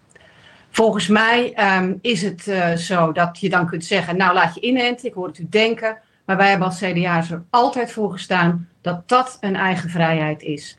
Laten we dat alsjeblieft blijven doen. Corona blijft, het gaat niet meer weg. We moeten ermee leren leven, samen. Dit is wel heel interessant, hè? want hier hoor je inderdaad die vertaling naar de gewone man slash vrouw hè, met dat gezin. Dit ging over uh, de invoering van het 2G-beleid. Er was een motie ingevoerd door uh, leden en zij had daar inspraak. En het interessante hiervan is dat zij hier wel een geluid vertolkt dat ook leeft in de CDA-fractie. Want als iets dit jaar ook wel kenmerkt, dan was het een Kamer, maar zeker ook de CDA-fractie, die voor een groot deel meeging met het coronabeleid. Hè, die mee instemde uh, met wat het kabinet wilde. Maar 2G maakte daar ineens verandering in. En ook in de CDA-fractie waren daar wel twijfels over. Ja, dit ligt gewoon heel gevoelig. En direct nadat Mona Keizer dit gezegd heeft op het partijcongres, krijg je dan uh, Hoekstra die daarop reageert. En die dan toch probeert de club weer samen te voegen. Geef ons de ruimte om. Uh, hier um, voor te zijn, of in elk geval zelf er een beslissing over te nemen. En de meeste CDA stemmen daar uiteindelijk ook mee in. Ja, uiteindelijk wel, maar dit ligt dus heel moeilijk. Uh, ja. Geen idee wat Keizer nu gaat doen? Nee, daar heb ik wel naar zitten zoeken, maar ik, ik heb het nog niet kunnen vinden. Dus ik uh, ben heel benieuwd. En ik was trouwens ook heel benieuwd of uh, dit voorbeeld nou uit haar eigen leven gegrepen was. Ja. Nou ja, we zullen het haar misschien uh, een keer kunnen vragen. Dankjewel, Claudia Kammer. Van binnenland naar buitenland, want inmiddels zit hier naast mij Stefan Alonso. En als jij hier bent, dan gaat het vaak maar over één ding. Jij wilt het vast hebben over de EU. Ja, ik wil het eigenlijk vooral hebben over Duitsland. Want dat was voor mij toch wel, hè, behalve de, de. We hadden natuurlijk in Nederland verkiezingen. Maar ook in Duitsland zijn verkiezingen geweest. En ik denk dat we de naweeën daarvan nog lang gaan voelen. Omdat Duitsland voor uh, Nederlandse beleidmakers altijd uh, ja, heel belangrijk is. Over die Duitse verkiezingen hebben we een Haag zaken gemaakt. Vind je in de show notes. Interessante daar is, er is eigenlijk een soort politieke aardverschuiving heeft daar plaatsgevonden. Het waren de christendemocraten die al, wat is het, 16 jaar aan de macht waren. Ja. En nu? Nou, dus nu is er een, eh, een coalitie van uh, liberale uh, socialisten en uh, groenen. En de vraag die iedereen zich nu stelt is: wat, dit, wat gaat dit betekenen hè, voor, voor, voor de Europese machtsverhoudingen? gaat Duitsland heel erg opschuiven richting Frankrijk? Of blijft het, wat het de afgelopen jaren vaak toch deed, blijft het een beetje in die noordelijke Europese hoek hangen? Hè? Dus uh, trekt het meer op met landen als Nederland. Wat betekent het als je zegt, schuift het meer op naar Frankrijk? Wat zou dat dan betekenen? Kijk, er is nu een hele grote discussie gaande over de Europese begrotingsregels. Die zijn best strikt en die zijn vooral ontzettend ingewikkeld. En er is dus een heel gesprek gaande over hoe dat versimpeld kan worden. Het is een heel belangrijk debat waarin Nederland ook gewoon van alles vindt. En het is heel belangrijk dat Duitsland dat ook vindt als Nederland een vuist wil kunnen maken. Uh, en zoals het er nu naar uitziet, wordt dat nog best ingewikkeld. Omdat Duitsland, uh, het, het huidige Duitsland, lijkt veel meer bereid om handreikingen te doen. Richting wat de Franse wensen zijn. Die natuurlijk allemaal wat simpeler willen en wat minder ingewikkeld. Dan wat Nederland wil eigenlijk. Ik zag niet zo lang geleden een tweetje van Mark Rutte dat hij had gebeld met Olaf Scholz. Nou, dat lijkt me heel goed. Uh, ik denk dat je op zo'n moment ook. kijk, hè, we, we, zijn natuurlijk enorm gewend geraakt aan, aan, aan Merkel. Uh, en haar, aan haar manier van politiek bedrijven. Maar er gaat nu een nieuwe situatie ontstaan. Dus dan is het ook ontzettend belangrijk dat je bijvoorbeeld in Berlijn zelf uh, de diplomatie versterkt. In ieder geval tijdelijk. Dat je gewoon zorgt dat daar hele goede mensen zitten die gewoon heel snel kunnen gaan voelen van wat er nou eigenlijk gebeurt in, uh, in Berlijn. Ik denk dat dat ook gebeurt. Je moet al je banden weer die je hebt. Hè. Ik bedoel, Merkel en uh, Rutte, dat is gewoon bijna broer en zus. Hè, in Europese politieke termen, zou ik maar zeggen. dus ja, dat moet je, al die banden moeten opnieuw worden opgebouwd. Dus dat is een heel, eigenlijk heel pijnlijk uh, ja, best wel ingewikkeld proces. En om uh, te illustreren waarom Duitsland of die, die Duitse verkiezingen zo belangrijk waren dit jaar, heb jij een fragment meegenomen van de uh, demissionair minister van Buitenlandse Zaken, Ben Knapen. Iets over de context? Nou ja, kijk, de vraag die hij gesteld kreeg in de Tweede Kamer is van, ja, hoe groot wordt die aardverschuiving nou eigenlijk? Ja, ik heb altijd geleerd dat verandering in Duitsland zich voordoet onder de vermomming van continuïteit. Uh, dus het is heel lastig om op voorhand te speculeren en, uh, en te concluderen wat voor veranderingen dit precies teweeg zal brengen.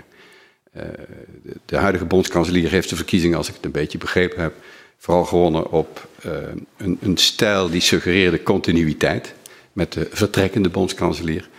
Uh, dus dat duidt niet op grote verandering, maar de samenstelling is heel anders. Dus dat zal ongetwijfeld een nieuw krachtenveld met zich brengen. Ik heb altijd geleerd dat verandering in Duitsland zich voordoet als de vermomming van continuïteit. Ja, dat, en dat vind ik een hele interessante, want uh, natuurlijk uh, is dat zo. Hè? En je, je proeft ook een beetje in Den Haag dat men zoiets heeft van ja, het valt wel mee, er gaat niet zo vreselijk veel veranderen. En als dat de houding blijft, zou dat denk ik wel een grote vergissing zijn. Omdat je zag bijvoorbeeld uh, een paar weken terug al, zag je uh, in de hele discussie over Rusland, zag je Duitsland toch echt een andere toon aanslaan dan wat ze tot nu toe hebben gedaan. En dat stond niet in het regeerakkoord van Duitsland. Hè? Dus je, je, iedereen probeert natuurlijk dat regeerakkoord te lezen en te duiden en zo. Het gaat om uh, alles eromheen eigenlijk. Ja, maar en, en in Duitsland is dat regeerakkoord heeft een iets minder belangrijke status dan het regeerakkoord in Nederland. Hè? Waarom? Is, nou, omdat in Nederland vinden we het heel fijn om dingen zeg maar heel erg gedetailleerd vast te leggen en dat dan heel precies uit te gaan voeren. En in Duitsland hebben ze die traditie wat minder. En wat vooral belangrijk wordt, is, is niet zozeer wat, wat er op papier staat, maar wat Duitsland gaat doen daadwerkelijk. En bijvoorbeeld als het gaat om Rusland, hebben ze gewoon best al wel verrassende stappen gezet en verrassende dingen gezegd. Bijvoorbeeld over Nord Stream, de, de gaspijpleiding in de Oostzee, die Duitsland en Rusland samen aan het bouwen zijn. Nou, daarvan zegt uh, Duitsland in feite nu van als Rusland doorgaat met het bedreigen van Oekraïne dan uh, komt Nord Stream gewoon ook ter discussie te staan. Hè? Dat zeggen ze ja, eigenlijk best wel op een directe manier. Dat is echt nieuw, weet je wel? Ja. En dat is een klein voorbeeld, of ja, ik vind het eigenlijk een heel groot voorbeeld, omdat het echt ook een, een belangrijk geopolitiek probleem is al jaren, dat hele Nord Stream. Maar het is, het is een voorbeeld van, van het soort gebeurtenissen wat we de komende jaren nog veel vaker kunnen gaan verwachten. Dat Duitsland misschien dingen gaat doen. We zijn ook al een aantal keren verrast door Duitsland onder Merkel. Eh, het beste voorbeeld is het corona-herstelfonds. Ja. Waarvan Merkel opeens zei van dat gaan we doen. Eh, samen met Frankrijk zei ze dat ook weer. Precies, toen al. Hè? En Nederland was toen nog Nederland, niet op de voorste rij nee, qua enthousiasme. Ja. Nee, nee, nee, nee. En Nederland zag dat ook niet echt aankomen. Nederland had echt zoiets van Duitsland zit in ons kamp. En toen bleek Duitsland... Dus je zag die beweging toen. En die, en die beweging ga je denk ik nu nog veel sterker voelen. En het hangt natuurlijk ook een beetje af van uh, Macron. Hè, die moet ook uh, om de kiezersgunst gaan vragen het komend jaar. Dus daar hangt ook weer heel veel van af. Maar nou ja, het is echt opletten geblazen voor Nederland, denk ik. Ja, dankjewel, Stefan Alonso. En we blijven even in het buitenland, want bij mij in de studio is nu Steven Deriks. En jij wilt terugkijken op de val van Afghanistan. Is dat een goede samenvatting? Uh, ja, deze zomer kwam er einde aan een tijdperk. Uh, tijdperk van uh, eh, 20 jaar westerse bemoeienis met Afghanistan. Op 15 augustus liepen de Taliban de Afghaanse hoofdstad Kabul binnen. En daarna probeerden westerse landen binnen enkele dagen zoveel mogelijk mensen in veiligheid te brengen. En dat verliep allemaal op een buitengewoon chaotische en dramatische wijze. En ook Nederland was daarbij betrokken. En in, in, in twee weken tijd zijn er eh, duizenden mensen geëvacueerd. Maar er zijn ook nog heel veel mensen achtergebleven in Afghanistan. Afghanen die voor Nederland hebben gewerkt en voor andere westerse landen hebben gewerkt, maar ook voor Nederland. En hun lot is uh, vaak nog onzeker. Ja, want we herinneren ons allemaal uh, die beelden wel van die evacuatievluchten. Van mensen die zich vastklampten aan toestellen en uit de lucht vielen. Van dat vliegveld dat vol mensen was die zo snel mogelijk wilden weggaan. Want je zegt voor Nederland werkt of voor andere westerse landen werkte, dat heeft consequenties als de Taliban aan de macht is. Ja, de Taliban hebben eigenlijk al uh, jarenlang een beleid dat iedereen die heeft gewerkt voor de, voor de buitenlandse bezetter, zoals ze dat noemen, uh, dat die wordt gestraft. En dat betekent dat voor mensen die bijvoorbeeld tolk zijn geweest voor Nederlandse militairen, of ook voor mensen die een hele andere functie hebben gehad, die bijvoorbeeld gewerkt hebben in een ontwikkelingsproject, iets met vrouwenrechten hebben gedaan, dat die reëel risico lopen. En er is, voor zover bekend, uh, al één tolk, Afghaanse tolk, die voor Nederland heeft gewerkt, is doodgeschoten. Is er zicht of was er zicht op dat moment op hoeveel mensen er eigenlijk voor Nederland hadden gewerkt? Op hoeveel mensen Nederland hierheen had moeten halen? Ja, dat is een, eh, dat is een hele goede vraag. En dat is ook een hele pijnlijke kwestie die nog steeds uh, speelt.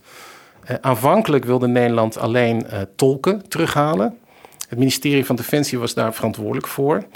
Dat liep eigenlijk heel erg traag. En bij Defensie merkte je ook niet echt een eh, sense of urgency om, eh, om daar haast mee te maken. En dat leidde tot uh, grote irritatie in de Tweede Kamer. Je zag ook dat de coalitiepartijen en de oppositie op een gegeven moment samen gingen optrekken. En ze tegen minister Ank Bijleveld van Defensie zeiden van ja, dit moet echt sneller. En voordat de laatste Nederlandse militair weg is, moet ook de laatste tolk in veiligheid zijn gebracht. Dat is niet gebeurd. Toen is na de val van Kabul nog op 15 augustus heeft de Kamer uh, een motie aangenomen van uh, D66-woordvoerder Salima Belhai. Waarin het aantal mensen dat moest worden geëvacueerd uh, enorm is uitgebreid. In de motie van Belhai staat dat niet alleen tolken die voor militairen hebben getolkt, hè, dus vertaald hebben. Mm -hmm. Maar ook in feite iedereen die een belangrijke rol heeft gespeeld voor de Nederlandse missie. Dus ook koks, chauffeurs, mensen die hebben gewerkt voor ontwikkelingsprojecten, dat die allemaal in veiligheid moeten worden gebracht. Eigenlijk iedereen die op de loonlijst heeft gestaan. Ja. Ja, en dat is niet helemaal gelukt. Nee, uh, kijk, in de chaotische dagen na de val, uh, tussen 15 augustus en 26 augustus, heeft Nederland, net als heel veel andere landen, gedaan wat het kon. En zoveel mogelijk mensen eruit getrokken. Er zijn ook allerlei mensen op evacuatielijsten gekomen, omdat er mensen waren die voor hen bemilden in Nederland, journalisten, uh, ontwikkelingsorganisaties. Dat is buitengewoon chaotisch verlopen. Uh, ja, toen was het motto natuurlijk redden wie er te redden valt. Uh, elk mensenleven is er één. Daarna heeft het ministerie van Buitenlandse Zaken laten weten dat er een e-mailadres was geopend waarop mensen hè, een mailtje konden sturen van ik wil geëvacueerd worden. Er zijn binnen enkele weken waren er meer dan 20.000 e-mails binnengekomen. het werd niet supergoed bijgehouden, want het was onduidelijk of dat ook 20.000 mensen waren of dat sommige mensen vijf e-mails hadden gestuurd. Ja, en het was eigenlijk ook wel duidelijk dat het kabinet vanaf het begin af aan dacht van nou 20.000 vinden wij veel te veel. Ja. Want je moet je bedenken, dat heeft minister van Migratie Ankie Broekers-Knol ook nog uh, gezegd in een interview in het AD. Die maakte even het simpele rekensommetje. Als je 20.000 mensen hier naartoe haalt, dan moet je dat keer vijf doen. Want die nemen ook hun gezin mee. En dan hebben we 100.000 Afghanen hier en dat is veel te veel. Ja, dat rekensommetje is haar duur te komen. Tenminste, dat, dat is haar lang blijven achtervolgen. Dat is er nog niet duur komen te staan. Nee. Maar ja, dat werd haar wel zeer kwalijk genomen. Ja, in feite is er daarna is er een, een soort van koehandel geweest tussen uh, ontwikkelingsorganisaties en het ministerie van Buitenlandse Zaken. Waarbij de uh, ontwikkelingsorganisaties hebben gezegd: Nou, kijk, 20.000 dat is veel te veel. Wij denken dat het iets van 2000 is. En toen dacht het kabinet: Nou, 2000 dat is wel uh, een hanteerbaar aantal van mensen die we nog willen ophalen. En die mailbox, dus die, met die 20.000 mailtjes erin, die is gewoon uh, die is in een diepe la verdwenen. Je zei net, Nederland deed wat het kon. Uiteindelijk heeft de Kamer besloten dat dat niet zo was. Want uh, zowel Bijleveld, minister van Defensie toen, als Kaag, minister van Buitenlandse Zaken, zijn allebei opgestapt. Niet omdat ze zijn weggestuurd, maar omdat er een motie van afkeuring is aangenomen. Ja, ja dat is natuurlijk iets anders dan een motie van wantrouwen. Precies. Maar goed, het is natuurlijk een duidelijke boodschap. Dus dat, dat, dat de Kamer niet tevreden was over het beleid. Kaag heeft daar conclusies uitgetrokken. Uw Kamer oordeelt dat het kabinet onverantwoord heeft gehandeld. En hoewel ik sta, en ik sta er pal achter, voor onze inzet, kan ik niet anders dan als eindverantwoordelijke minister de consequenties van dit oordeel aanvaarden. In mijn opvatting over democratie en cultuur van ons bestuur moet de minister gaan als het beleid wordt afgekeurd. Ik zal daarom bij zijn majesteit de koning mijn ontslag als minister van Buitenlandse Zaken indienen. Uh, Ank Bijleveld die had daar wat langer voor nodig. En volgens mij ben jij er ook nog bij geweest bij uh, de persconferentie waar, uh, waar, ja, ze, waar ze stampvoetend de deur uitging. Dat ging echt, ja, die, die had, had, een klein duwtje nodig van haar eigen partij. Zeker, ik heb dat nog gereconstrueerd. Het was op een vrijdag, als ik me niet vergis. En de ministerraad liep gewoon. En sommige bewindspersonen, Grapperhaus, Hoekstra, CDA-leider, die liepen dan af en toe de ministerraad uit en weer in, omdat ze even naar Ank moesten op het ministerie van Defensie, uh, uh, Bijleveld. Er is echt wel druk op haar uitgeoefend. En op het moment dat zij de woorden uitsprak dat zij wegging, was heel duidelijk, er stond een vrouw die uh, niet zelf weg had willen gaan. Ik heb mijn partijleider en de minister-president laten weten dat ik daarom zijn majesteit de koning zal vragen mij ontslag te verlenen. Ja, dat riep ze nog, hè? want er, er, mochten geen vragen gesteld worden. En toen riep een journalist toch nog van... Uh, ja, bent, bent u onder druk gezet of zo? Moest u vertrekken? Bent u onder druk opgestapt? Nee. Toen liep ze stampvoetend uh, uh, de gang in. Maar ik ben toch benieuwd, tot slot, zij zijn weg. Maar heeft dat iets opgelost? Ik bedoel, al die vragen die er toen ook boven hingen, weet je wel. wie wil Nederland precies terughalen? Hoe gaat het kabinet die mensen terughalen? Um, is daar antwoord op gekomen? Nee, nog steeds niet definitief. Want we zitten natuurlijk een beetje te grappen over het vertrek van, uh, van een bewindsvrouw. En daar mag je natuurlijk ook best grappen over maken. Maar het is natuurlijk niet heel erg grappig dat Nederland zo aan het marchanderen is met uh, mensen die voor, uh, voor de Nederlandse missie hebben gewerkt en die misschien nu gevaar lopen. En daar komen ook voortdurend weer verhalen over naar buiten. Kijk, wat Buitenlandse Zaken nu aan het doen is, die zijn eigenlijk een soort van nieuwe inventarisatie aan het maken. Dus ze hebben eigenlijk gezegd, ze hebben eerst gezegd, die motie Belhaai gaan we uitvoeren. Uh, nu hebben ze gezegd, nou ja, uh, die motie kunnen we niet meer uitvoeren, want de evacuatiefase, zoals het noemen, de acute evacuatiefase is nu afgelopen. Maar we gaan nog wel dingen voor mensen doen. En, nu zijn ze dus nog uh, alsnog aan het inventariseren wie in aanmerking komt om naar Nederland te worden gehaald. En dat is nog niet eens afgerond. En dan kom je natuurlijk nog voor de vraag te staan, ja oké, maar hoe komen die mensen weg? Dit is uh, een niet afgesloten hoofdstuk in 2021, kunnen we wel zeggen. Absoluut niet. En er komt natuurlijk ook nog een onderzoek hè, naar de evacuatie. Zelfs daar uh, was weer een kleine ril uh, over, omdat... oh ja, dat zou Frank de Graven gaan Het kabinet had bedacht dat voormalig minister Frank de Graven dat zou doen. En nou ja, toen een, een, groot deel van de Kamer had gezegd van... nou ja, dit, dit, dit zien wij niet zitten. Toen heeft Frank de Graven zich teruggetrokken. Dus er is ook nog geen onderzoeksleider. Nou ja, dat gaan we dan komend jaar zien. Dankjewel voor nu, Steven Deriks. Bij mij Filip de Witwijnen. Jij wil meteen iets laten horen. We gaan het anders doen. We gaan zorgen dat alle mensen dit kunnen meemaken.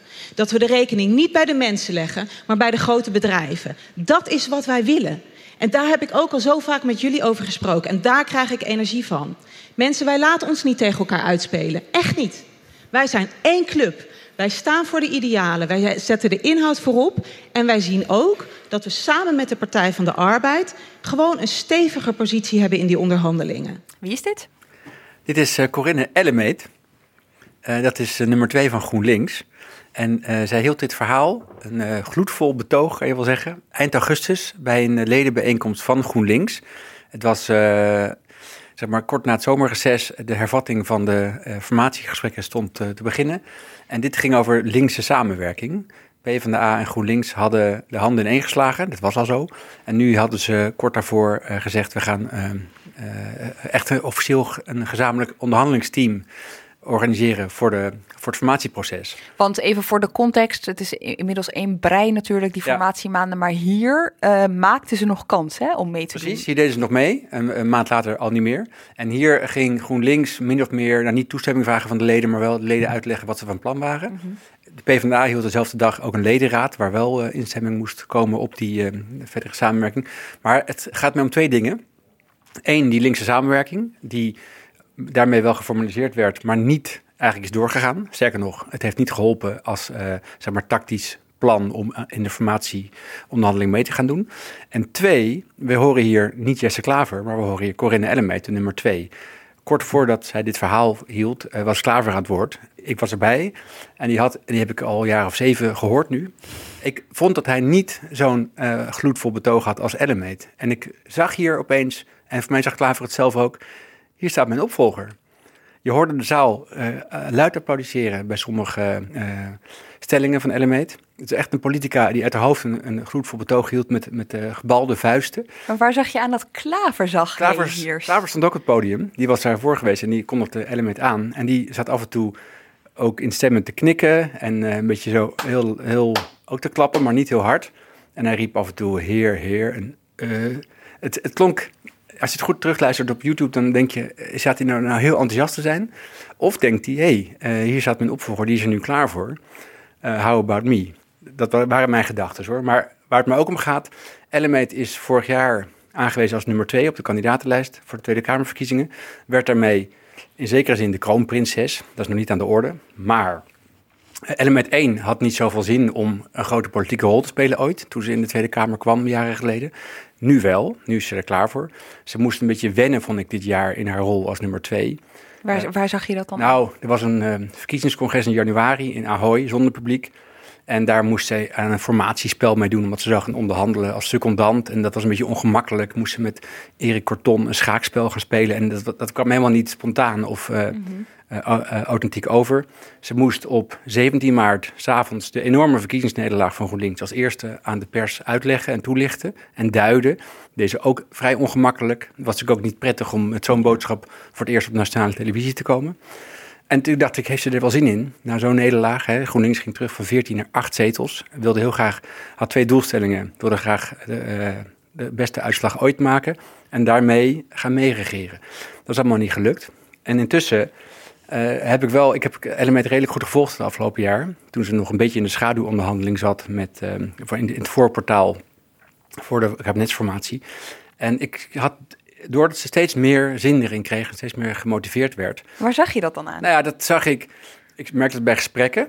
Ze moesten echt erin komen, ingroeien. Um, en, en deze speech, eind augustus, toen zag ik het voor het eerst echt live voor mijn ogen voltrekken. En de rest van de zaal, er waren toen een paar honderd mensen die mochten aanwezig zijn, die zagen dat volgens mij ook. Je zag haar genieten. Ze genoot ervan. Ze ja. het hoofd, ze had het uh, voorbereid. Ze heeft twee maanden later, in november, heeft ze had ze ook een speech zullen houden, maar die ging niet door vanwege uh, coronamaatregelen voor um, uh, de Linkerwang, een, uh, een christelijk, christelijke club van GroenLinks. En daar hield ze een, ook een, had, dat heeft ze later wel als opiniestuk inge, ingediend, daar hield ze een heel ideologisch verhaal ja. over hoe, de nieuwe, hoe links zichzelf moest heruitvinden.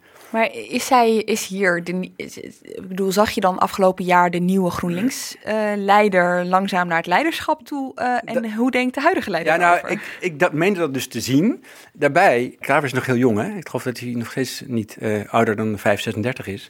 Hij, zit er wel, hij is wel al een van de langst zittende fractieleiders in de Tweede Kamer vanaf, deze, vanaf 2015. Uh, hij, hij, heeft het heel goed gedaan in 2017 met de gigantische verkiezingsoverwinning. Heeft toen de formatie gemist. Dat is 35 jaar. 35 jaar, ja. precies. Klaver heeft, of GroenLinks heeft het, uh, de formatie toen gemist. Hè. Toen mm -hmm. hebben ze meegesproken, maar uiteindelijk werd het ChristenUnie. in plaats van GroenLinks. Dit keer wilde hij heel graag meedoen. GroenLinks, maar hij zelf ook en uh, een deel van zijn achterban ook. De, laat maar zien, die progressieve agenda. En het is ook de tijd voor klimaatbeleid. Uh, en daar moet GroenLinks gewoon aan meedoen, zou je zeggen. Nou, dat is weer niet gelukt. Dus Klaver heeft zijn twee ambities nog groter te worden in de Tweede Kamer en meeregeren niet waargemaakt. Hij bleef daarna roepen, we zijn belangrijker dan ooit en we moeten, we moeten meeregeren. Dat lukte niet alleen. En toen ging hij zich maar samen klonteren met de PvdA. Maar dat is ook niet gelukt. Uh, daarbij in de verkiezingscampagne begin dit jaar wilde hij ook graag linkse samenwerking, maar dat deed hij heel geforceerd. Want dat, daar waren SP, D66 en PvdA niet echt van geporteerd. Hij had zo'n verkiezingsposter bijvoorbeeld met de voornamen van Lilian Marijnissen, uh, Liliane Ploemen en Sigrid Kaag. Nou, dat was zonder overleg. Dat was een beetje, daar was hij iets te snel, zeg maar.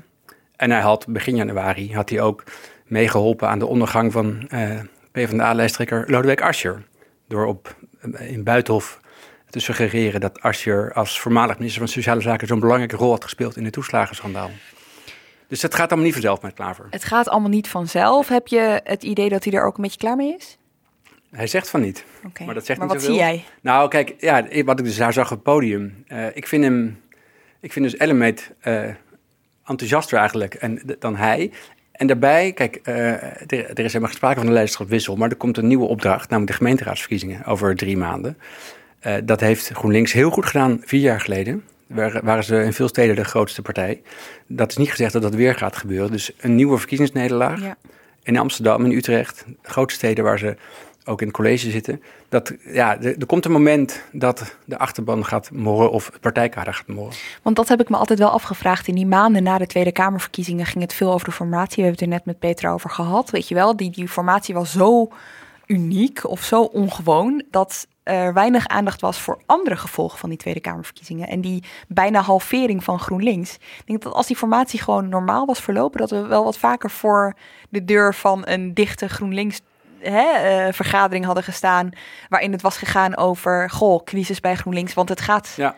het gaat slecht met de ja, partij. Ja, het viel me op dat eigenlijk, uh, er waren wel kritische clubjes binnen, uh, binnen GroenLinks, zoals Dwars, de jongerenafdeling. Er is een kritische evaluatie geweest van de verkiezingscampagne. En er was een groepje, dat noemde zich, noemt zich Nieuw Kritisch GroenLinks. Die hebben heel veel kritiek gehad, uh, geuit op de verkiezingscampagne en, het resultaat daarvan. Maar het is eigenlijk inderdaad wat je zegt, vrij snel. Het is niet echt een groot ding geworden binnen de partij. Misschien een kleine kring. Maar het, belangrijkste was die formatie inderdaad. Maar ja, die is ook mislukt. PvdA en GroenLinks uh, gingen dus uh, samen in die formatieperiode, of in ieder geval samenwerken. Hoe is het daar nu mee? Ja, ook hier weer geldt dat ze zeggen dat het heel goed gaat. En ze hebben nog begin december, nog een, was een ruime week voordat het coalitieakkoord eindelijk kwam, hebben zij een oppositieakkoord gesloten. Dat was een uh, samenraapsel van 15 uh, standpunten uit de verkiezingsprogramma's, wat ze belangrijk vinden. Maar je ziet ook veel verschillen. En je ziet het bijvoorbeeld in het coronabeleid, waar ze echt verschillend denken over hoe het kabinet het zou moeten aanpakken. En je ziet het, daar had laatst Nieuwsuur een goed item over op lokaal niveau, de gemeenteraadsverkiezingen komen eraan, is die samenwerking helemaal niet zo vanzelfsprekend. Sterker nog, in grote steden als Utrecht en Amsterdam zitten ze elkaar in de weg.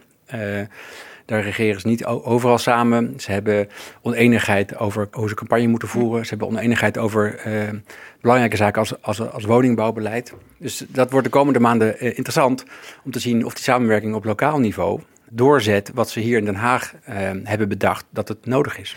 Eén ding heeft, het, uh, heeft die samenwerking in ieder geval niet gebracht. En dat is een plek aan de formatietafel en uiteindelijk een plek in het kabinet. Ja. Jij had nog één ander fragment dat jij graag wilde laten horen, omdat jij dat zo belangrijk vond voor dit jaar. En de bekende wijsheid bij onderhandelingen is vaak dat je nooit als eerste moet bewegen. He, dat fameuze uitdrukking niet met je ogen knipperen als eerste. Maar ik ga het wel doen. Of het politiek handig is, weet ik niet. Maar ik vind het verstandig en ik vind het volwassen en ik vind het het juiste om te doen.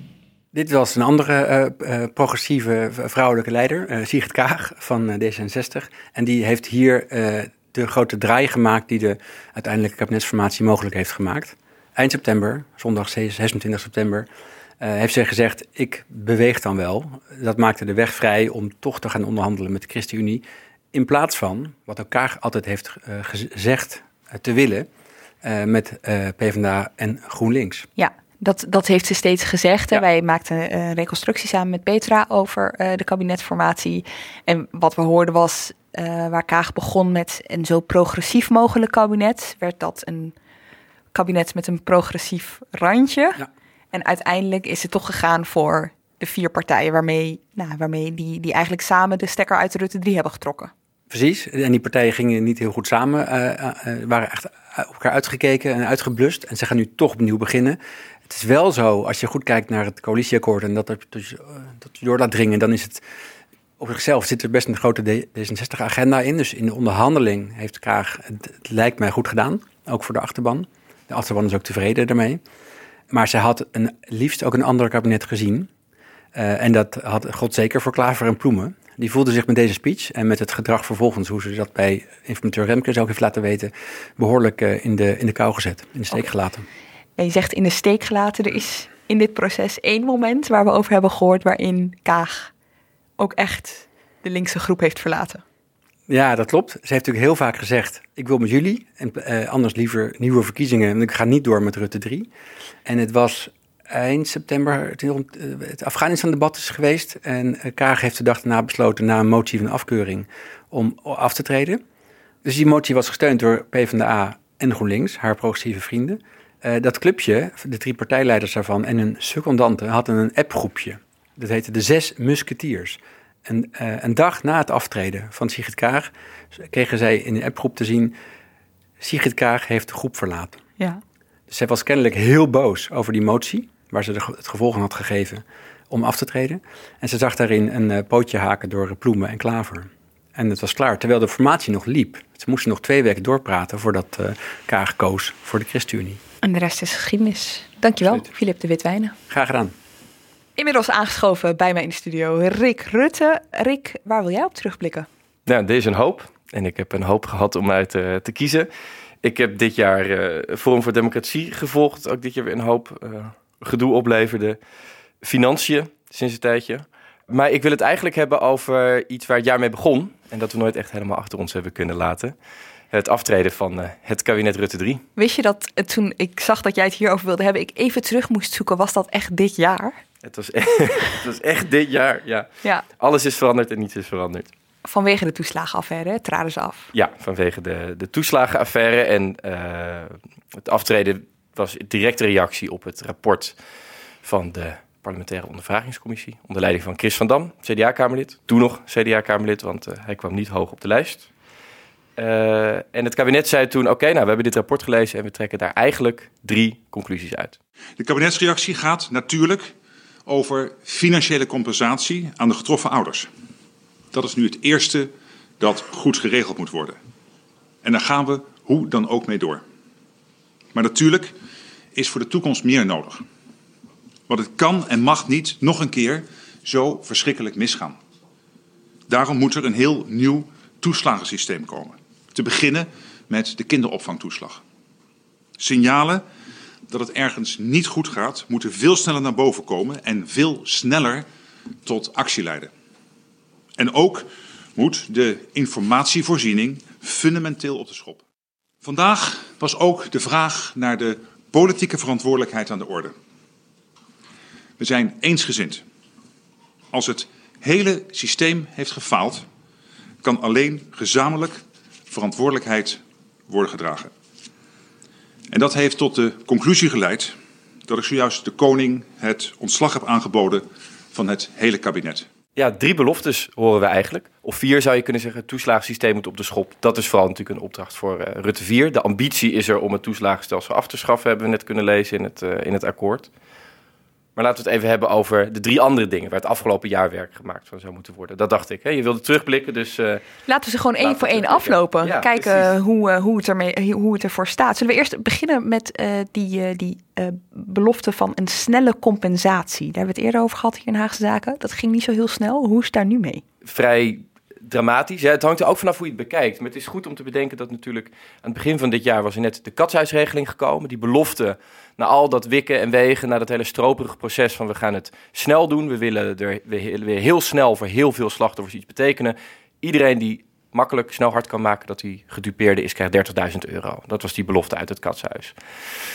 Daar zijn nu 23.000 mensen via gecompenseerd. Op zich is dat natuurlijk een prestatie. Er is gewoon, en alleen al als je naar de bedragen kijkt, is natuurlijk veel meer uitgegeven aan compensatie dan er een jaar geleden was uitgegeven, zelfs een jaar geleden voor mogelijk werd gehouden. Maar ik voel hem maar aankomen. Ja, de, de maar, het probleem is eigenlijk tweevoudig. Ten eerste, er zijn veel meer mensen op die regeling afgekomen dan toen werd verwacht. Toen werd er wel eens uitgegaan van 20.000 mensen. Nou, er zijn er al 23.000 nu gecompenseerd. Maar we hebben al bijna 50.000 aanmeldingen gehad voor een vergoeding.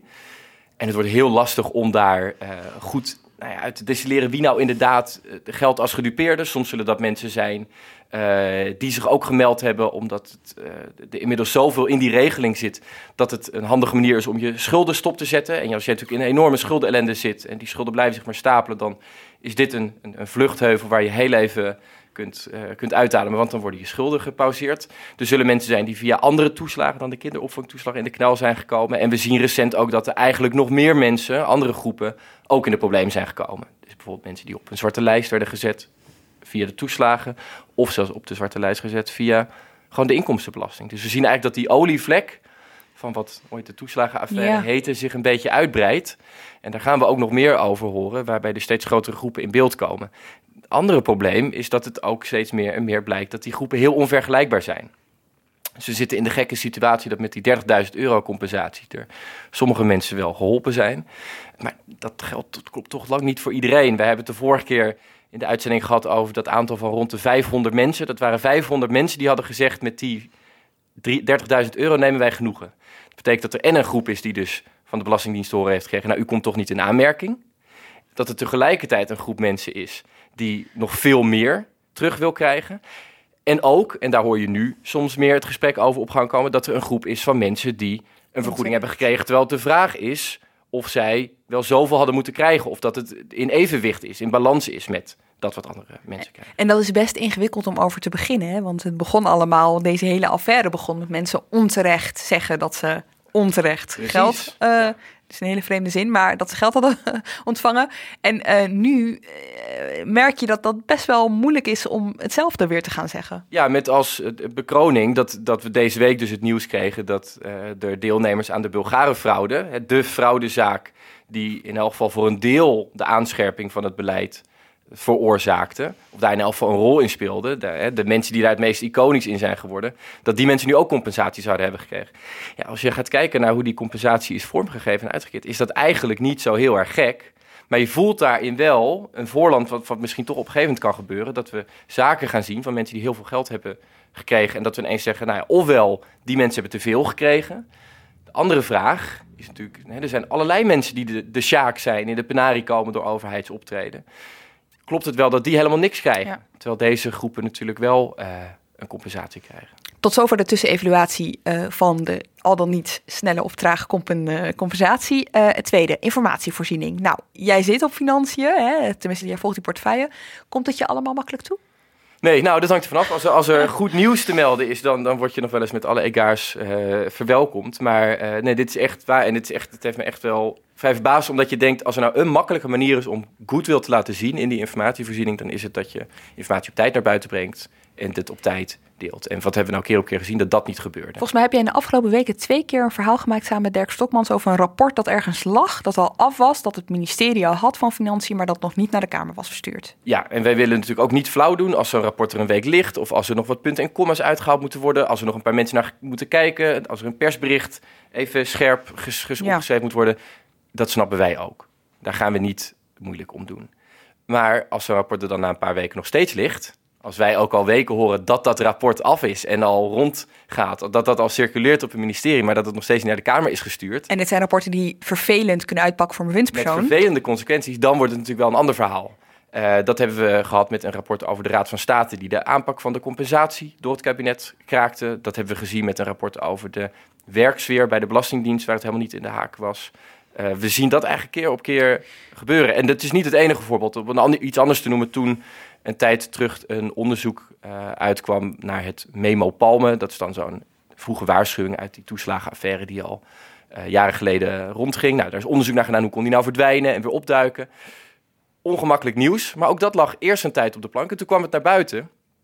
En toen kregen de journalisten, ik was er zelf één van, kregen wij een half uurtje om een rapport van tientallen pagina's door te lezen. Er zat ook nog een hele voortgangsrapportage bij met de stand van zaken rond die compensatie. Tientallen pagina's in 20 minuten lezen, ja, dat gaat natuurlijk niet. En dan had je daarna, dat was dan het enige moment dat je had om de staatssecretaris te spreken. Ja. De rest van de dag was die niet meer bereikbaar. De belofte was dat daarna alles beter zou worden. Nou, ik was laatst aanwezig bij de presentatie van het nieuwe coalitieakkoord. Weet je hoe lang de tijd we kregen om dat te lezen voordat we de hoofdrolspelers konden interviewen? Hoop uren. Een kwartier. Een kwartier. Ja, en het is, dit lijkt zo'n makkelijke manier, denk ik dan, om te laten zien dat je het goed meent. Want we weten natuurlijk ook ondertussen, de dag dat het coalitieakkoord werd gepresenteerd, dus die, precies diezelfde dag, oh, toen kwam er ook een rapport uit over de eh, kabinetsaanpak van de, de Afghanistan-evacuatie. En eh, dat ergens weer eh, normen voor baggeraars waren overschreden. Het is, het is allemaal zo flauw en zo makkelijk. Ja. En om nog even terug te grijpen op de voorstellen die Rutte deed, want hij zei ook, hij gaf concrete voorstellen toen. Bij, dat, bij Ja. die persconferentie destijds. Hij zei bijvoorbeeld: we gaan iets doen aan die persoonlijke beleidsopvattingen. Dat was dat fenomeen van mensen die dan van gedachten wisselden. En dat dook dan nooit op als de Kamer of als journalisten daarnaar vroegen. Nou, die zouden dan openbaar worden. Wat bleek een week later al? Dat gebeurde dan wel voor de Kamer. De Kamer kan dan wel stukken opvragen. Maar dat geldt niet voor jou en mij als journalisten als wij iets wobben. En trouwens voor elke burger. Iedereen kan met een, eh, een beroep die, eh, die wet openbaarheid bestuur eh, documenten opvragen. Nou, we hoopten allemaal, hé, dan kunnen we toch eindelijk inzage krijgen in die gedachteprocessen. Nou, mooi niet. Dat kan dus al niet. Het laatste punt dat Rutte noemde was politieke verantwoordelijkheid. Ja, daar was Rutte 3 en eh, daar komt Rutte 4. Het is, er is natuurlijk een soort rollercoaster geweest in het hele jaar aan eh, blijft Rutte, gaat Rutte, et cetera, et cetera. Het is natuurlijk wel heel veelzeggend dat, dat hij eigenlijk binnen een paar weken na deze persconferentie, volgens mij eind januari was dat al het grapje maakte dat eh, nu ze waren afgetreden, het ook moeilijker was geworden voor de Kamer om hem weg te sturen. Grapje, maar het is wel veelzeggend als je dat soort grapjes maakt. En ik denk dat we ook niet moeten vergeten dat eh, Rutte heel veel verantwoordelijkheid neemt, zegt hij, in dit verhaal, bij dat aftreden. Maar eh, jij en ik, nou jij helemaal, je bent er die, die week heel dichtbij geweest. Wij weten nog dat in de, aan het begin van die week en in de loop van die week Rutte helemaal niet er zo van overtuigd was dat hij zou moeten aftreden. Dat hij aan het begin van die week eh, zei: Ik wil weten of jullie achter mij staan als eh, coalitiegenoten. En als jullie achter mij staan, dan wil ik de garantie. Hè, even niet aan eh, last en ruggespraak doen, dan wil ik de garantie dat alle Kamerleden van die coalitiefracties ook mij gaan steunen. Nou, dat is nogal wat om te vragen. En dat geeft de- duidelijk aan dat, wat Rutte betreft, het, eh, nou ja, dat, dat alle, hoe zullen we het noemen, de, de, de barmhartigheid en de, de verantwoordelijkheid, die, die, kwam, die kwam er heel snel in. Dankjewel, Rick Rutte. Graag gedaan, Lemja. De volgende die bij me aanschuift of is aangeschoven, Marieke Stellinga, beleidsvreter van de redactie.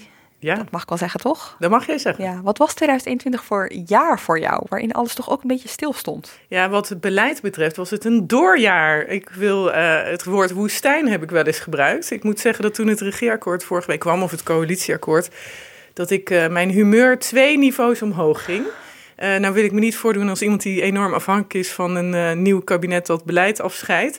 Hè, we hebben ook andere mooie verhalen gemaakt over ongelijkheid bijvoorbeeld. Maar het was lang, stond het stil in Den Haag. En dat is eh, anders dan ik gewend ben. En het duurde erg lang. Ik vond op een gegeven moment veel over de, het spel gaan en weinig over de inhoud. Ja, vorige week heb jij hier al verteld hè, in Haagse Zaken over wat jou opviel. We hebben het veel gehad over die fondsen en over het klimaatbeleid. En jouw moment van dit jaar gaat ook daarover. Ja, absoluut. Want je ziet gewoon een enorme verandering in de Nederlandse politiek. Eigenlijk al de afgelopen vier jaar, maar dit jaar materialiseerde zich dat echt. En dat is op rechts eh, hoe er wordt gepraat over klimaatverandering en beleid om dat tegen te gaan. Dan hebben we het vooral over VVD en CDA. Je hebt natuurlijk op rechts ook partijen zoals de PVV, Forum, die veel, veel kritischer zijn. Bijvoorbeeld ook over of die klimaatverandering wel echt bestaat. Maar VVD en CDA zijn echt enorm van toon veranderd. En dat vond ik eh, mijn opvallende moment van dit jaar. En kun, kun je dat inkleuren? Wat, hoe zag je dat veranderen? Nou, ik heb zelf eh, die partij gevolgd de afgelopen vier jaar ook. En ik vond het daar, ja, er was niet heel veel denkkracht als het ging om klimaatbeleid op rechts. Ook de Kamerleden die je daarover sprak, die waren vaak terughoudend. Nu zie je daar echt meer vrije geesten eh, in de Kamer zitten. Dirk Boswijk van het CDA heeft een landbouwvisie geschreven.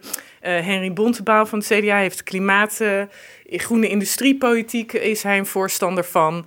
Bij de VVD zit bijvoorbeeld Silvio Erkens, die uh, op Twitter dingen zegt over datacentra en het energienetwerk. Dus dat is al heel anders. Waar je het het meest zag, denk ik, zou ik willen zeggen, is bij premier Rutte. Die voor de verkiezingen echt een hele andere toon aansloeg dan in de zomer van dit uh, jaar. Na de overstromingen in uh, Limburg, na het IPCC-rapport, het klimaatpanel van de Verenigde Naties, die, dat een alarmerende toon aansloeg, zei hij opeens: Nederland kan ook nummer één worden in de Olympische Spelen van het klimaat. Ik ben ervan overtuigd in de Olympische Spelen van het klimaat eh, dat wij zowel in het halen van die doelstellingen, maar zeker ook waar het betreft de economische kansen uh, en de innovatiekansen die erachter wegkomen en het creëren van miljoenen banen waarvan we het bestaan nu niet weten, dat Nederland ook nummer één kan zijn. Ja, dit is een hele andere toon. Voor de verkiezingen, laatste avond voor de verkiezingen zat hij bij op één, Rutte. En toen zei hij nog, nou, we moeten niet allemaal gaan overtoepen met dat klimaatbeleid. We hebben al van alles in gang gezet, laten we dat nou eerst eens gaan uitvoeren. Nou ja, die toon verandert dus in rond na de zomer. En nu in het nieuwe coalitieakkoord is het overtoepen uh, galore, zou ik willen zeggen. Maar uh, wat is in de tussentijd gebeurd, is dan natuurlijk de, de grote vraag.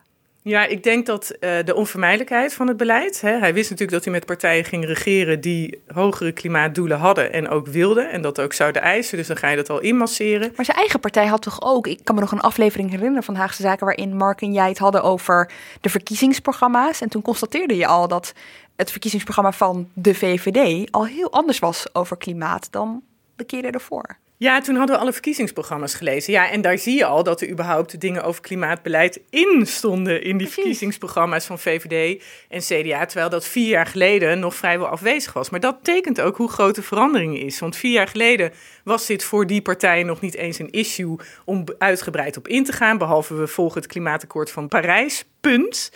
Toen hebben ze enorme afspraken gemaakt voor klimaatbeleid met de ChristenUnie en D66.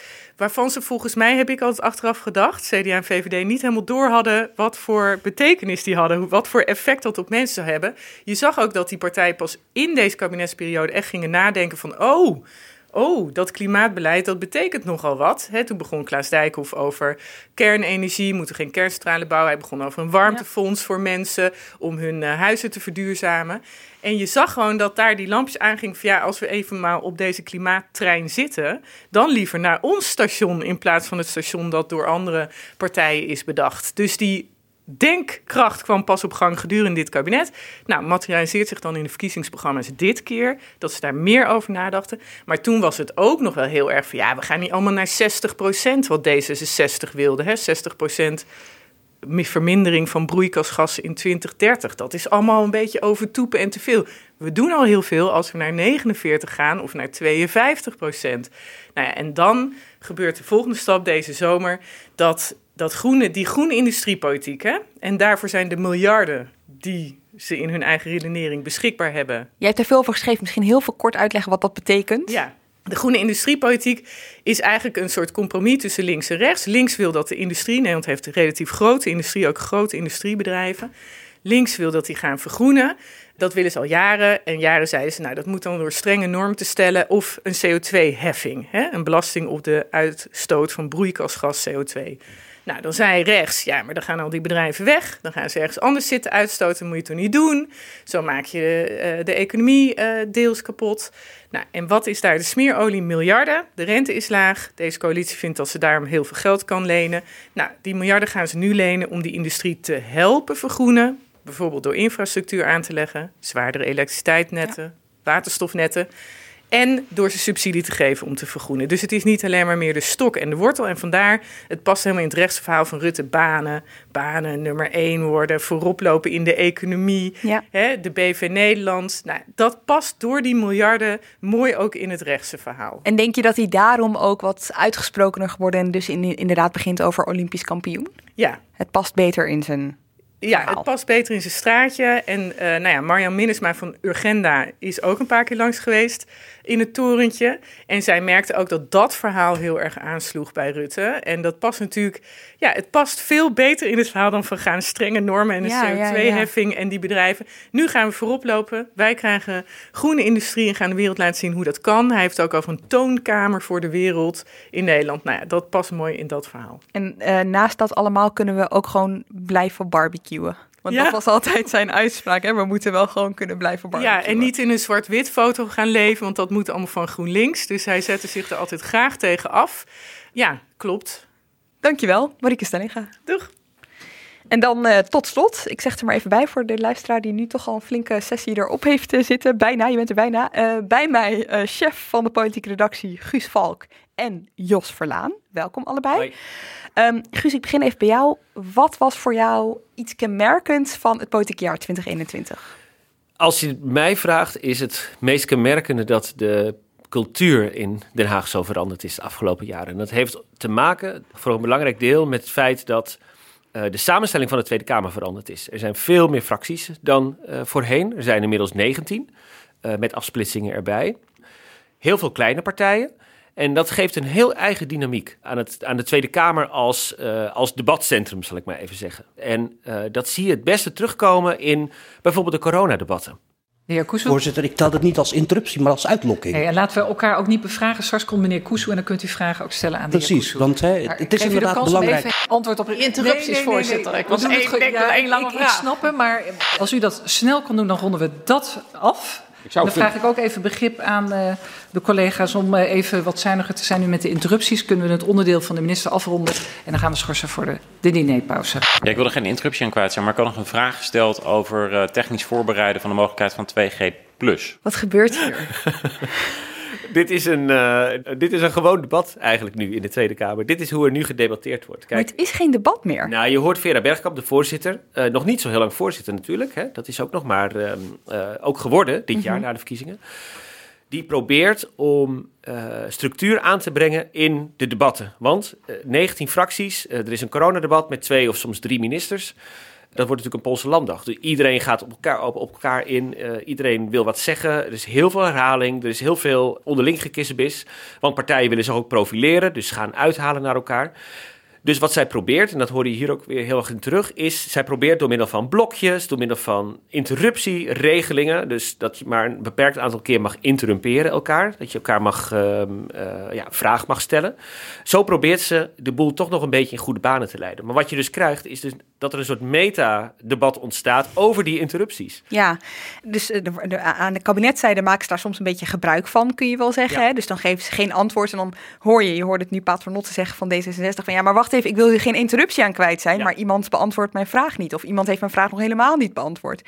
Maar ik zit daar dan naar te kijken en ik vraag me ook af, is dit nou nog het politieke debat over zulke belangrijke onderwerpen als bijvoorbeeld ingrijpende maatregelen die aangekondigd worden vlak voor zo'n coronadebat? Want ze hebben dan bijvoorbeeld zes interrupties per persoon, drie bewindspersonen.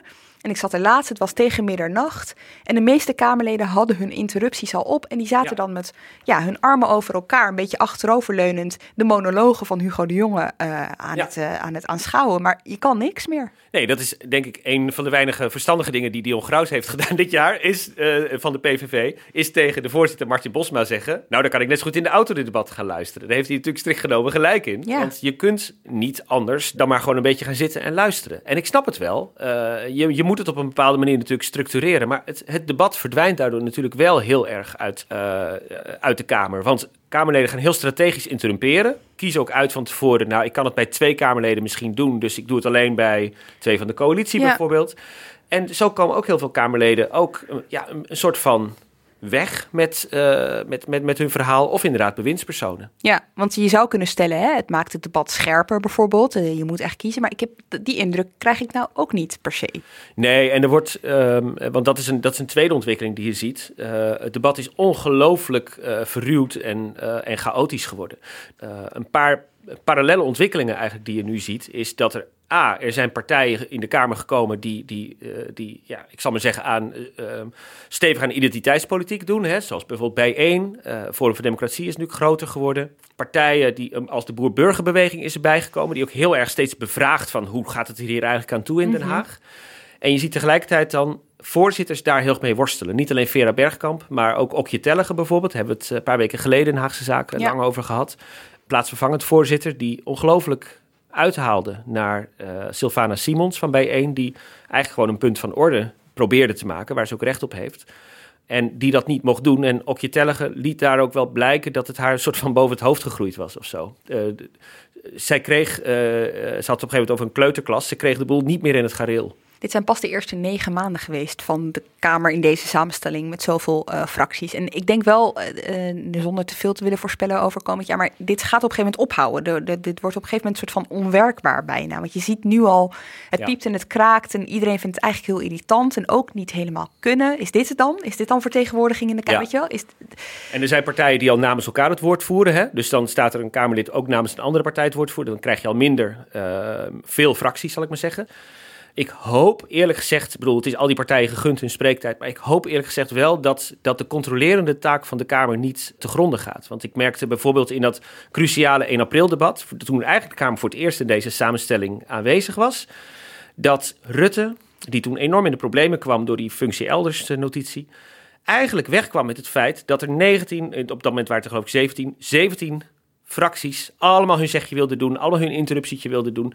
Waardoor er een soort van kippenhok-situatie ontstond en er de Kamer niet meer krachtig als één geheel kon optreden. Jos, jouw inbreng uh, past hier eigenlijk heel mooi bij, of eigenlijk wat jou opviel dit jaar? Wat mij opviel is een onderwerp waar weinig geluidsopnames over zijn, omdat er weinig over gesproken wordt. Het is een taboe, dat is zijn, zijn integriteitsschendingen door Tweede Kamerleden. Een belangrijk moment dit jaar was de installatie van een externe integriteitscommissie die al dit soort uh, integriteitsschendingen uh, zou inventariseren en, en, en daar ook iets mee zou doen, zelfs sancties zou kunnen opleggen. Die zit nagenoeg werkeloos uh, acht maanden later uh, in de stoel te wachten op uh, substantiële klachten, terwijl er tegelijkertijd manifest integriteitsschendingen hebben plaatsgehad. Er zit een PVV Tweede Kamerlid, Dion Graus, waar ook het nodig over heeft geschreven. Die man die is echt zwaar, vermoedelijk, het moet nog onderzocht worden, strafrechtelijk in de fout gegaan. Uh, met malversaties uh, rond uh, reisdeclaraties, maar ook vooral op het gebied van seksuele intimidatie, ernstige delicten. Men weet dat, men vindt het allemaal heel erg en vervolgens zwijgt men erover. heel opvallend. er hebben integriteitsschendingen groter en kleiner plaatsgehad, ook in andere fracties. Het is een onderwerp waar niet of nauwelijks over gesproken wordt. Maar ze dienen zich in de wandelgangen van het Binnenhof wel uh, bij voortduring aan. Dus eigenlijk iedereen weet het. Er is een commissie zelfs voor uh, aangesteld om dit soort dingen te onderzoeken. Alleen er gebeurt niks. Daar zit licht tussen. Er zit licht tussen datgene wat, wat uh, buiten het Binnenhof heel normaal zou zijn. Het gedrag van Dion Gras en waar die van verdacht wordt. Dat zou in elk ander bedrijf tot direct congé hebben geleid. Op zijn minst tot schorsing nadat, totdat het Openbaar Ministerie met onderzoek mm -hmm. is gekomen. Hier zwijgt men op, uh, dat moet dan wel weer gezegd worden, op het GroenLinks Tweede Kamerlid inmiddels vertrokken Kathleen Buitenweg na. Die wel openlijk aan de orde heeft gesteld dat als je dit soort strafrechtelijke delicten op je naam hebt staan, of althans het vermoeden van, dat dan de mensen die het, waar het om gaat, want het ging om fractiemedewerkers, dat die bescherming behoeven. Dat ja. is iets wat in een elders buiten de binnenhof heel normaal zou zijn maar in het politieke circuit van de Tweede Kamer wordt afgedekt. En jij wilde dit incident, of dit soort incidenten gebruiken om het eigenlijk te hebben over uh, ja, een diepere laag, namelijk het, het zelfreinigend vermogen van de Kamer. Die externe commissie, dat is het resultaat van, van, van heel lang debat over hoe gaan we om met de integriteitsschendingen intern. Hoe, hoe breng je dat wel of niet naar buiten? Wat zijn de sanctiemogelijkheden? Vlak nadat de Tweede Kamerverkiezingen hadden plaatsgehad, is die commissie ook daadwerkelijk geïnstalleerd. En het werkt niet. Terwijl het reglement van orde, die ook op dit punt uh, dingen uh, aan de orde kan stellen, uh, ook niet werkt. Omdat politieke fracties het zelf niet willen. fracties elkaar er niet op aanspreken. En dingen zo voortkabbelen. En dan krijg je de eigenaardige situatie dat in september bij de begroting Algemene Zaken is er een motie sneller aangenomen. Waarin normen worden gesteld aan nieuwe bewindspersonen. Die worden dus dadelijk openlijk gehoord. En die moeten dan aangeven welke zakelijke belangen ze hebben, welke financiële belangen ze hebben of ze uh, huisjes in het buitenland hebben. Allemaal normen die de Tweede Kamer aan nieuwe bewindspersonen oplegt. Daar heeft Mark Rutte inmiddels ook per brief op gereageerd. En hij geeft toe, jullie krijgen allemaal je zin. Dat Ja. gaan ze er- Alleen diezelfde screening past de Tweede Kamerleden niet op zichzelf toe. Terwijl bij Tweede Kamerleden een twintigtal ook zaken als eh, eh, zakelijke belangen niet, aange- niet, niet opgegeven in het eh, register. eh, eh, vastgoed in het buitenland niet opgegeven in het register. eh, de lijst is best wel behoorlijk. En dan zeg je dus eigenlijk, de Kamer is strenger eh, voor anderen dan voor zichzelf. Ze legt normen op aan anderen Ja. die ze zichzelf niet heeft weten op te leggen. Ondanks een jarenlang debat hierover. Iets anders eh, waar ik het nog even met jou over wilde hebben. Want jij hebt hier in de afgelopen jaren best vaak in de studio gestaan. En dan ging het vaak over eh 50 plus en of Henk Krol, Ja. eh, oud-voorman van 50 plus. En dit was ook het jaar dat Henk Krol niet terugkwam in de Kamer. Dat is het debakel van 50PLUS. Die partij heeft in een jaar tijd, hè, we zitten ongeveer een eh, jaar verder. December vorig jaar stond 50PLUS nog op eh 8 à 10 zetels. Eh, een van de meest populaire lijsttrekkers van het land. Maar de partij heeft zichzelf eh, op een eh, afschuwelijke manier eh, te gronden gericht. Eh, zoveel ruzie dat uiteindelijk de kiezer zeg maar, heeft ingegrepen. En de partij eh, nauwelijks een zetel heeft, eh, heeft meegegeven na de verkiezingen. En ik zit nu te kijken naar Liane Den Haan de afgelopen weken. En ik vraag me af, ze had er eigenlijk voor iedereen kunnen staan. Ik heb niet het idee dat daar per se iemand eh, eh, voor 50 plus staat. Vooral in coronadebatten. Aan het begin eh, kwam ze nog vaak op voor ouderen in die coronadebatten. Maar dat is heel langzaam een beetje aan het verschuiven naar, nou ja, gewoon net zoals de rest van de Kamer. Op detailniveau willen praten over IC-capaciteit of over ziekenhuizen of over whatever. Maar niet meer zozeer het Nee, in het 50 begin zat, zat Liane Den Haan er nog eh, namens 50 plus. En zal ze ook nog voortdurend gevoed zijn geweest door 50 plus. Maar die banden zijn helemaal los. Ze zit er in er eentje. Ze praat in er eentje en ze gedraagt zich als een, als een eenpitter. En dan kan het niet anders dan eh, het jaar waarin Henk Krol Den Haag eh, verlaat, dat eh, jij dan ook Den Haag gaat verlaten. Tenminste, ik breng het als het kan niet anders, maar het is een gegeven. Het is, een, dat is geen enkele relatie. Ja, want jij gaat weg, hè? Ik ga nu wel na, na, na zes jaar ga ik eh eh, verslaggeveren eh, vanuit eh, de Amsterdam-redactie. En andere gremia opzoeken dan de vergader zelf van het, van het Binnenhof. Ja, en wil jij de luisteraar nog iets meegeven over jouw Haagse jaren? Is jou nog iets opgevallen waarvan je denkt, dit moet ik nog wel even delen? Nou, ik heb ehm, eh, de neergang van 50 plus meegemaakt de afgelopen jaren. Maar ik heb ook de opkomst van de Partij voor de Dieren meegemaakt. En die is bijna net zo opmerkelijk. Toen ik daarmee begon in 2017 hadden ze twee zetels. En in één keer staan ze eh, vandaag, stonden ze op acht à negen zetels. En dat is een vrij constant gegeven. En ik vind het van de Partij van de Dieren heel boeiend, eh, hun groei ook. Toen zij in de Tweede Kamer kwamen, heeft de Partij van de Dieren er mede voor gezorgd dat de radicalisering van het dierenfront, hè, van dierenactivisten, dat werd wat geïnstitutionaliseerd. Dus die zijn niet verder geradicaliseerd. Dat kun je de Partij van de Dieren met de, met, de komst in de Tweede Kamer meegeven. Ze zijn nu groot en ze spelen nu denk ik een hele belangrijke rol in het pacificeren van eh, de antivaxers en het complotdenken. Omdat dat in hun partij heel zwaar vertegenwoordigd is. En dat is ook een, een, een groepering die, die verder dreigt te radicaliseren. En het is mijn inschatting dat de Partij van de Dieren wel eens een hele belangrijke functie zou kunnen hebben in het pacificeren van, van dat polarisatiemodel. Dus niet zozeer meteen hier op het Binnenhof, zoals ze dat eh, in de tijd ook niet, eh, Ja. niet hebben gedaan rond, rond de radicalisering van het eh dierenactiewezen. Maar ze spelen wel een hele belangrijke rol in de vraag of iedereen erbij blijft. En dat, dat is wel een functie hier op het Binnenhof, want daar gaat democratie uiteindelijk om. Ja. Jos is te bescheiden om eh, een persoonlijke boodschap over het Ja. persoonlijk te laten gaan, maar over de radicalisering van de Partij voor de Dieren. Maar het is toch wel een momentje, toch, Jos? Dat je, je hebt hier heel vaak gezeten en, of gestaan, zoals nu. En eh, opeens eh, eh, ja, ga- je weg naar de binnenlandredactie. Dat vind ik wel een soort van aderlating hier ook voor, voor de Haagse politieke verslaggeving. Eh die zin dat Jos in, heel, in verschillende rollen hier jarenlang gewerkt heeft. In 2001 eh, hier in Den Haag terechtgekomen. En ik ben ooit als eh, beginnend verslaggever hier naartoe gelokt met, met de boodschap... we hebben nu zo'n goeie, dat is Jos Verlaan. verslaggever van het Parool toen nog. En altijd geïnteresseerd geweest in de, de beetje schmoedzige kant van, van politiek.